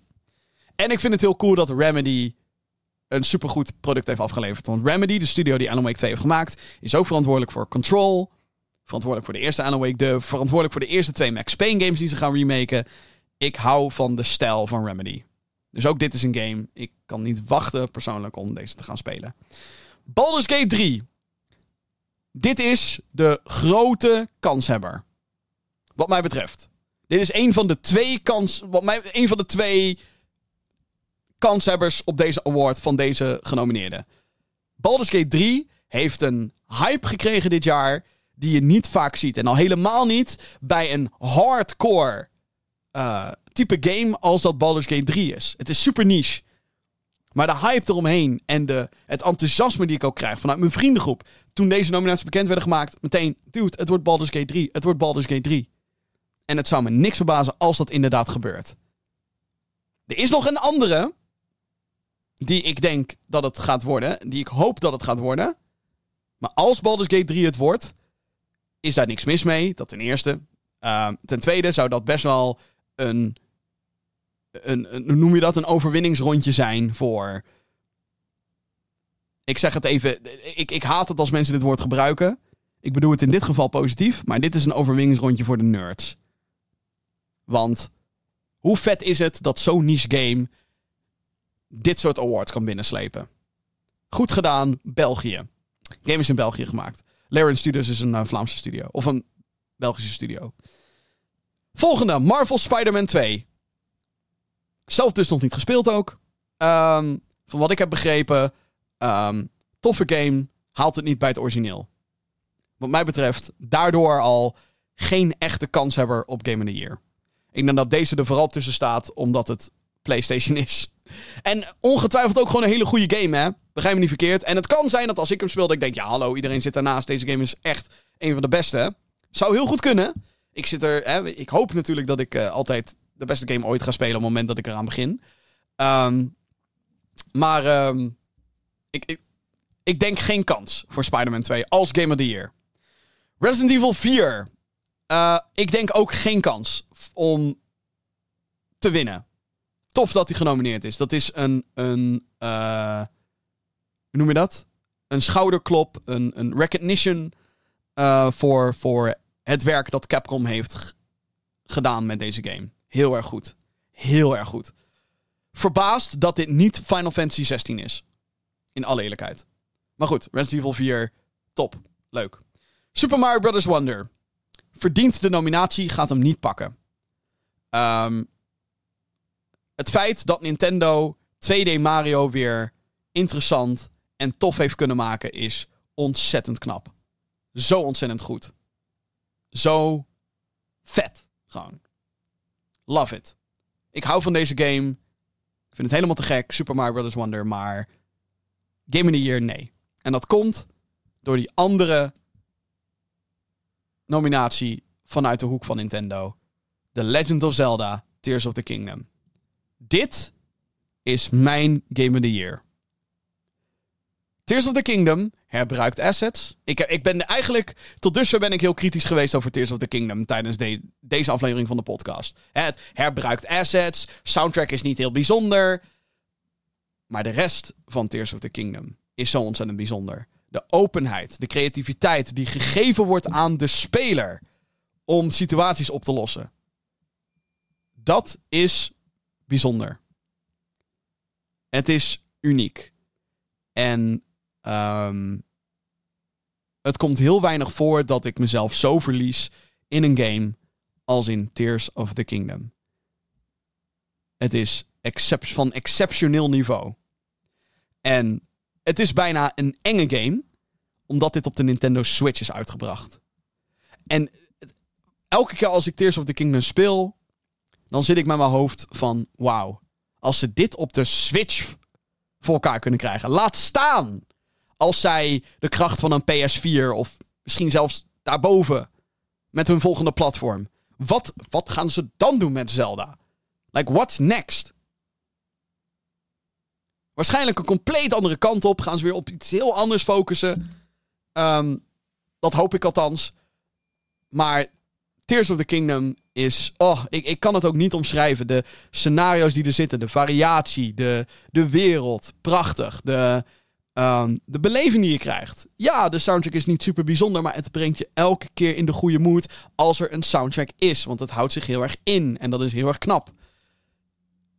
Ik vind Tears of the Kingdom erg bijzonder. En verdient wat mij betreft Game of the Year. Ik hoop dat deze game hem pakt.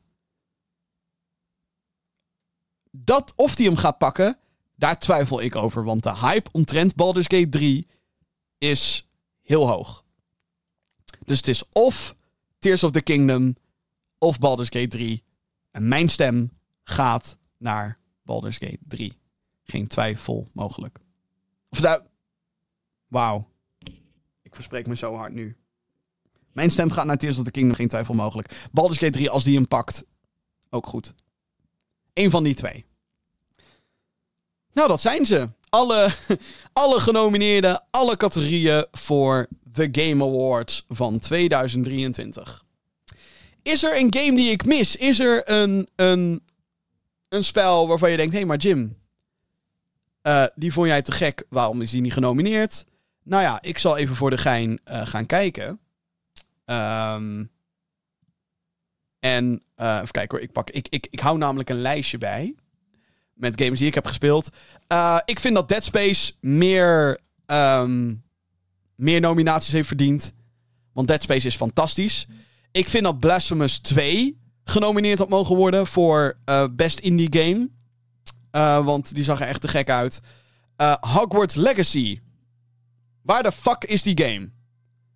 Game of the Year hoeft niet per se voor mij. Is inderdaad niet nodig, maar voor niks genomineerd? Die had een te gek verhaal. Hogwarts Legacy. Te gek art direction. Fantastisch. Fucking goede muziek.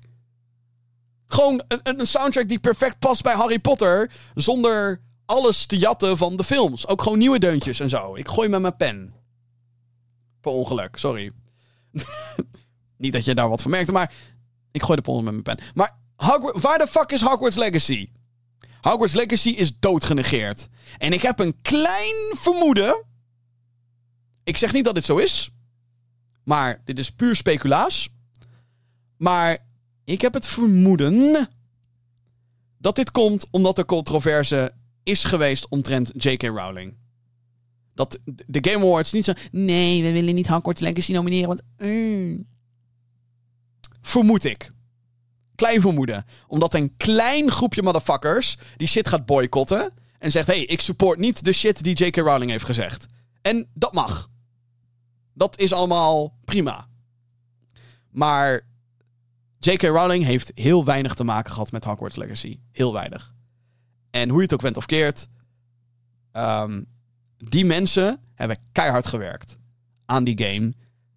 En wat mij betreft is het een fucking goede game. Hogwarts Legacy. Als je fan bent van Harry Potter, moet je eigenlijk wel Hogwarts Legacy gaan spelen. Nogmaals, het is een vermoeden, hè? En ik hoop niet dat het waar is. Ik hoop gewoon dat het gevalletje is. Er is zoveel kwaliteit uitgekomen dit jaar. dat Hogwarts Legacy er helaas gewoon buiten valt. Um, maar ik heb zoiets van: als Dead Island 2 genomineerd kan worden voor fucking Best Action Game. dan kan Hogwarts Legacy ook genomineerd worden voor Best Score and Music en Best Art Direction. Wat mij betreft. Um, ja, dat is het. Dat zijn uh, de genomineerden voor de Game Awards. De Game Awards worden dus in de nacht van 7 op 8 december Nederlandse tijd wordt het uitgezonden. Ik ga livestreamen, want goed, ik ben die dag daarna toch vrij.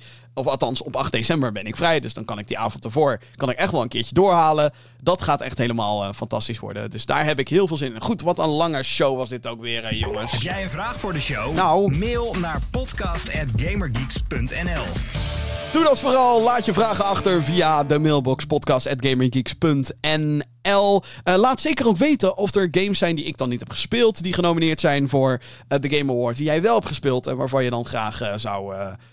ja, dat je ook gewoon je waardering zou willen uitspreken voor die games. Laat het vooral weten. de vraag van de week is dan ook... Welke game verdient volgens jou de titel Game of the Year? Laat het weten. Dat kan in Spotify, kan je reacties achterlaten. Of op YouTube. Of wat ik al zei, je kan ook gewoon mailen. podcast.gaminggeeks.nl En daarmee ben ik aan het einde gekomen van deze 233ste aflevering van de Gaming Geeks podcast. Ik wil je heel erg bedanken voor het luisteren. Want dit was een enorm lange aflevering. Ik had geen idee dat ik zo lang door zou gaan over Call of Duty. En over het nieuws. En over Super Mario RPG. Maar goed, het is eenmaal gebeurd. Uh, en we zijn er doorheen. We zijn weer door alle nominaties heen. Extra veel luisterplezier voor jou. Ja, ja. Anyway, uh, wat ik al zei. Heel erg bedankt voor het luisteren luisteren uh, naar deze 233ste aflevering van de Gaming Geeks podcast. En heel graag tot een volgende keer.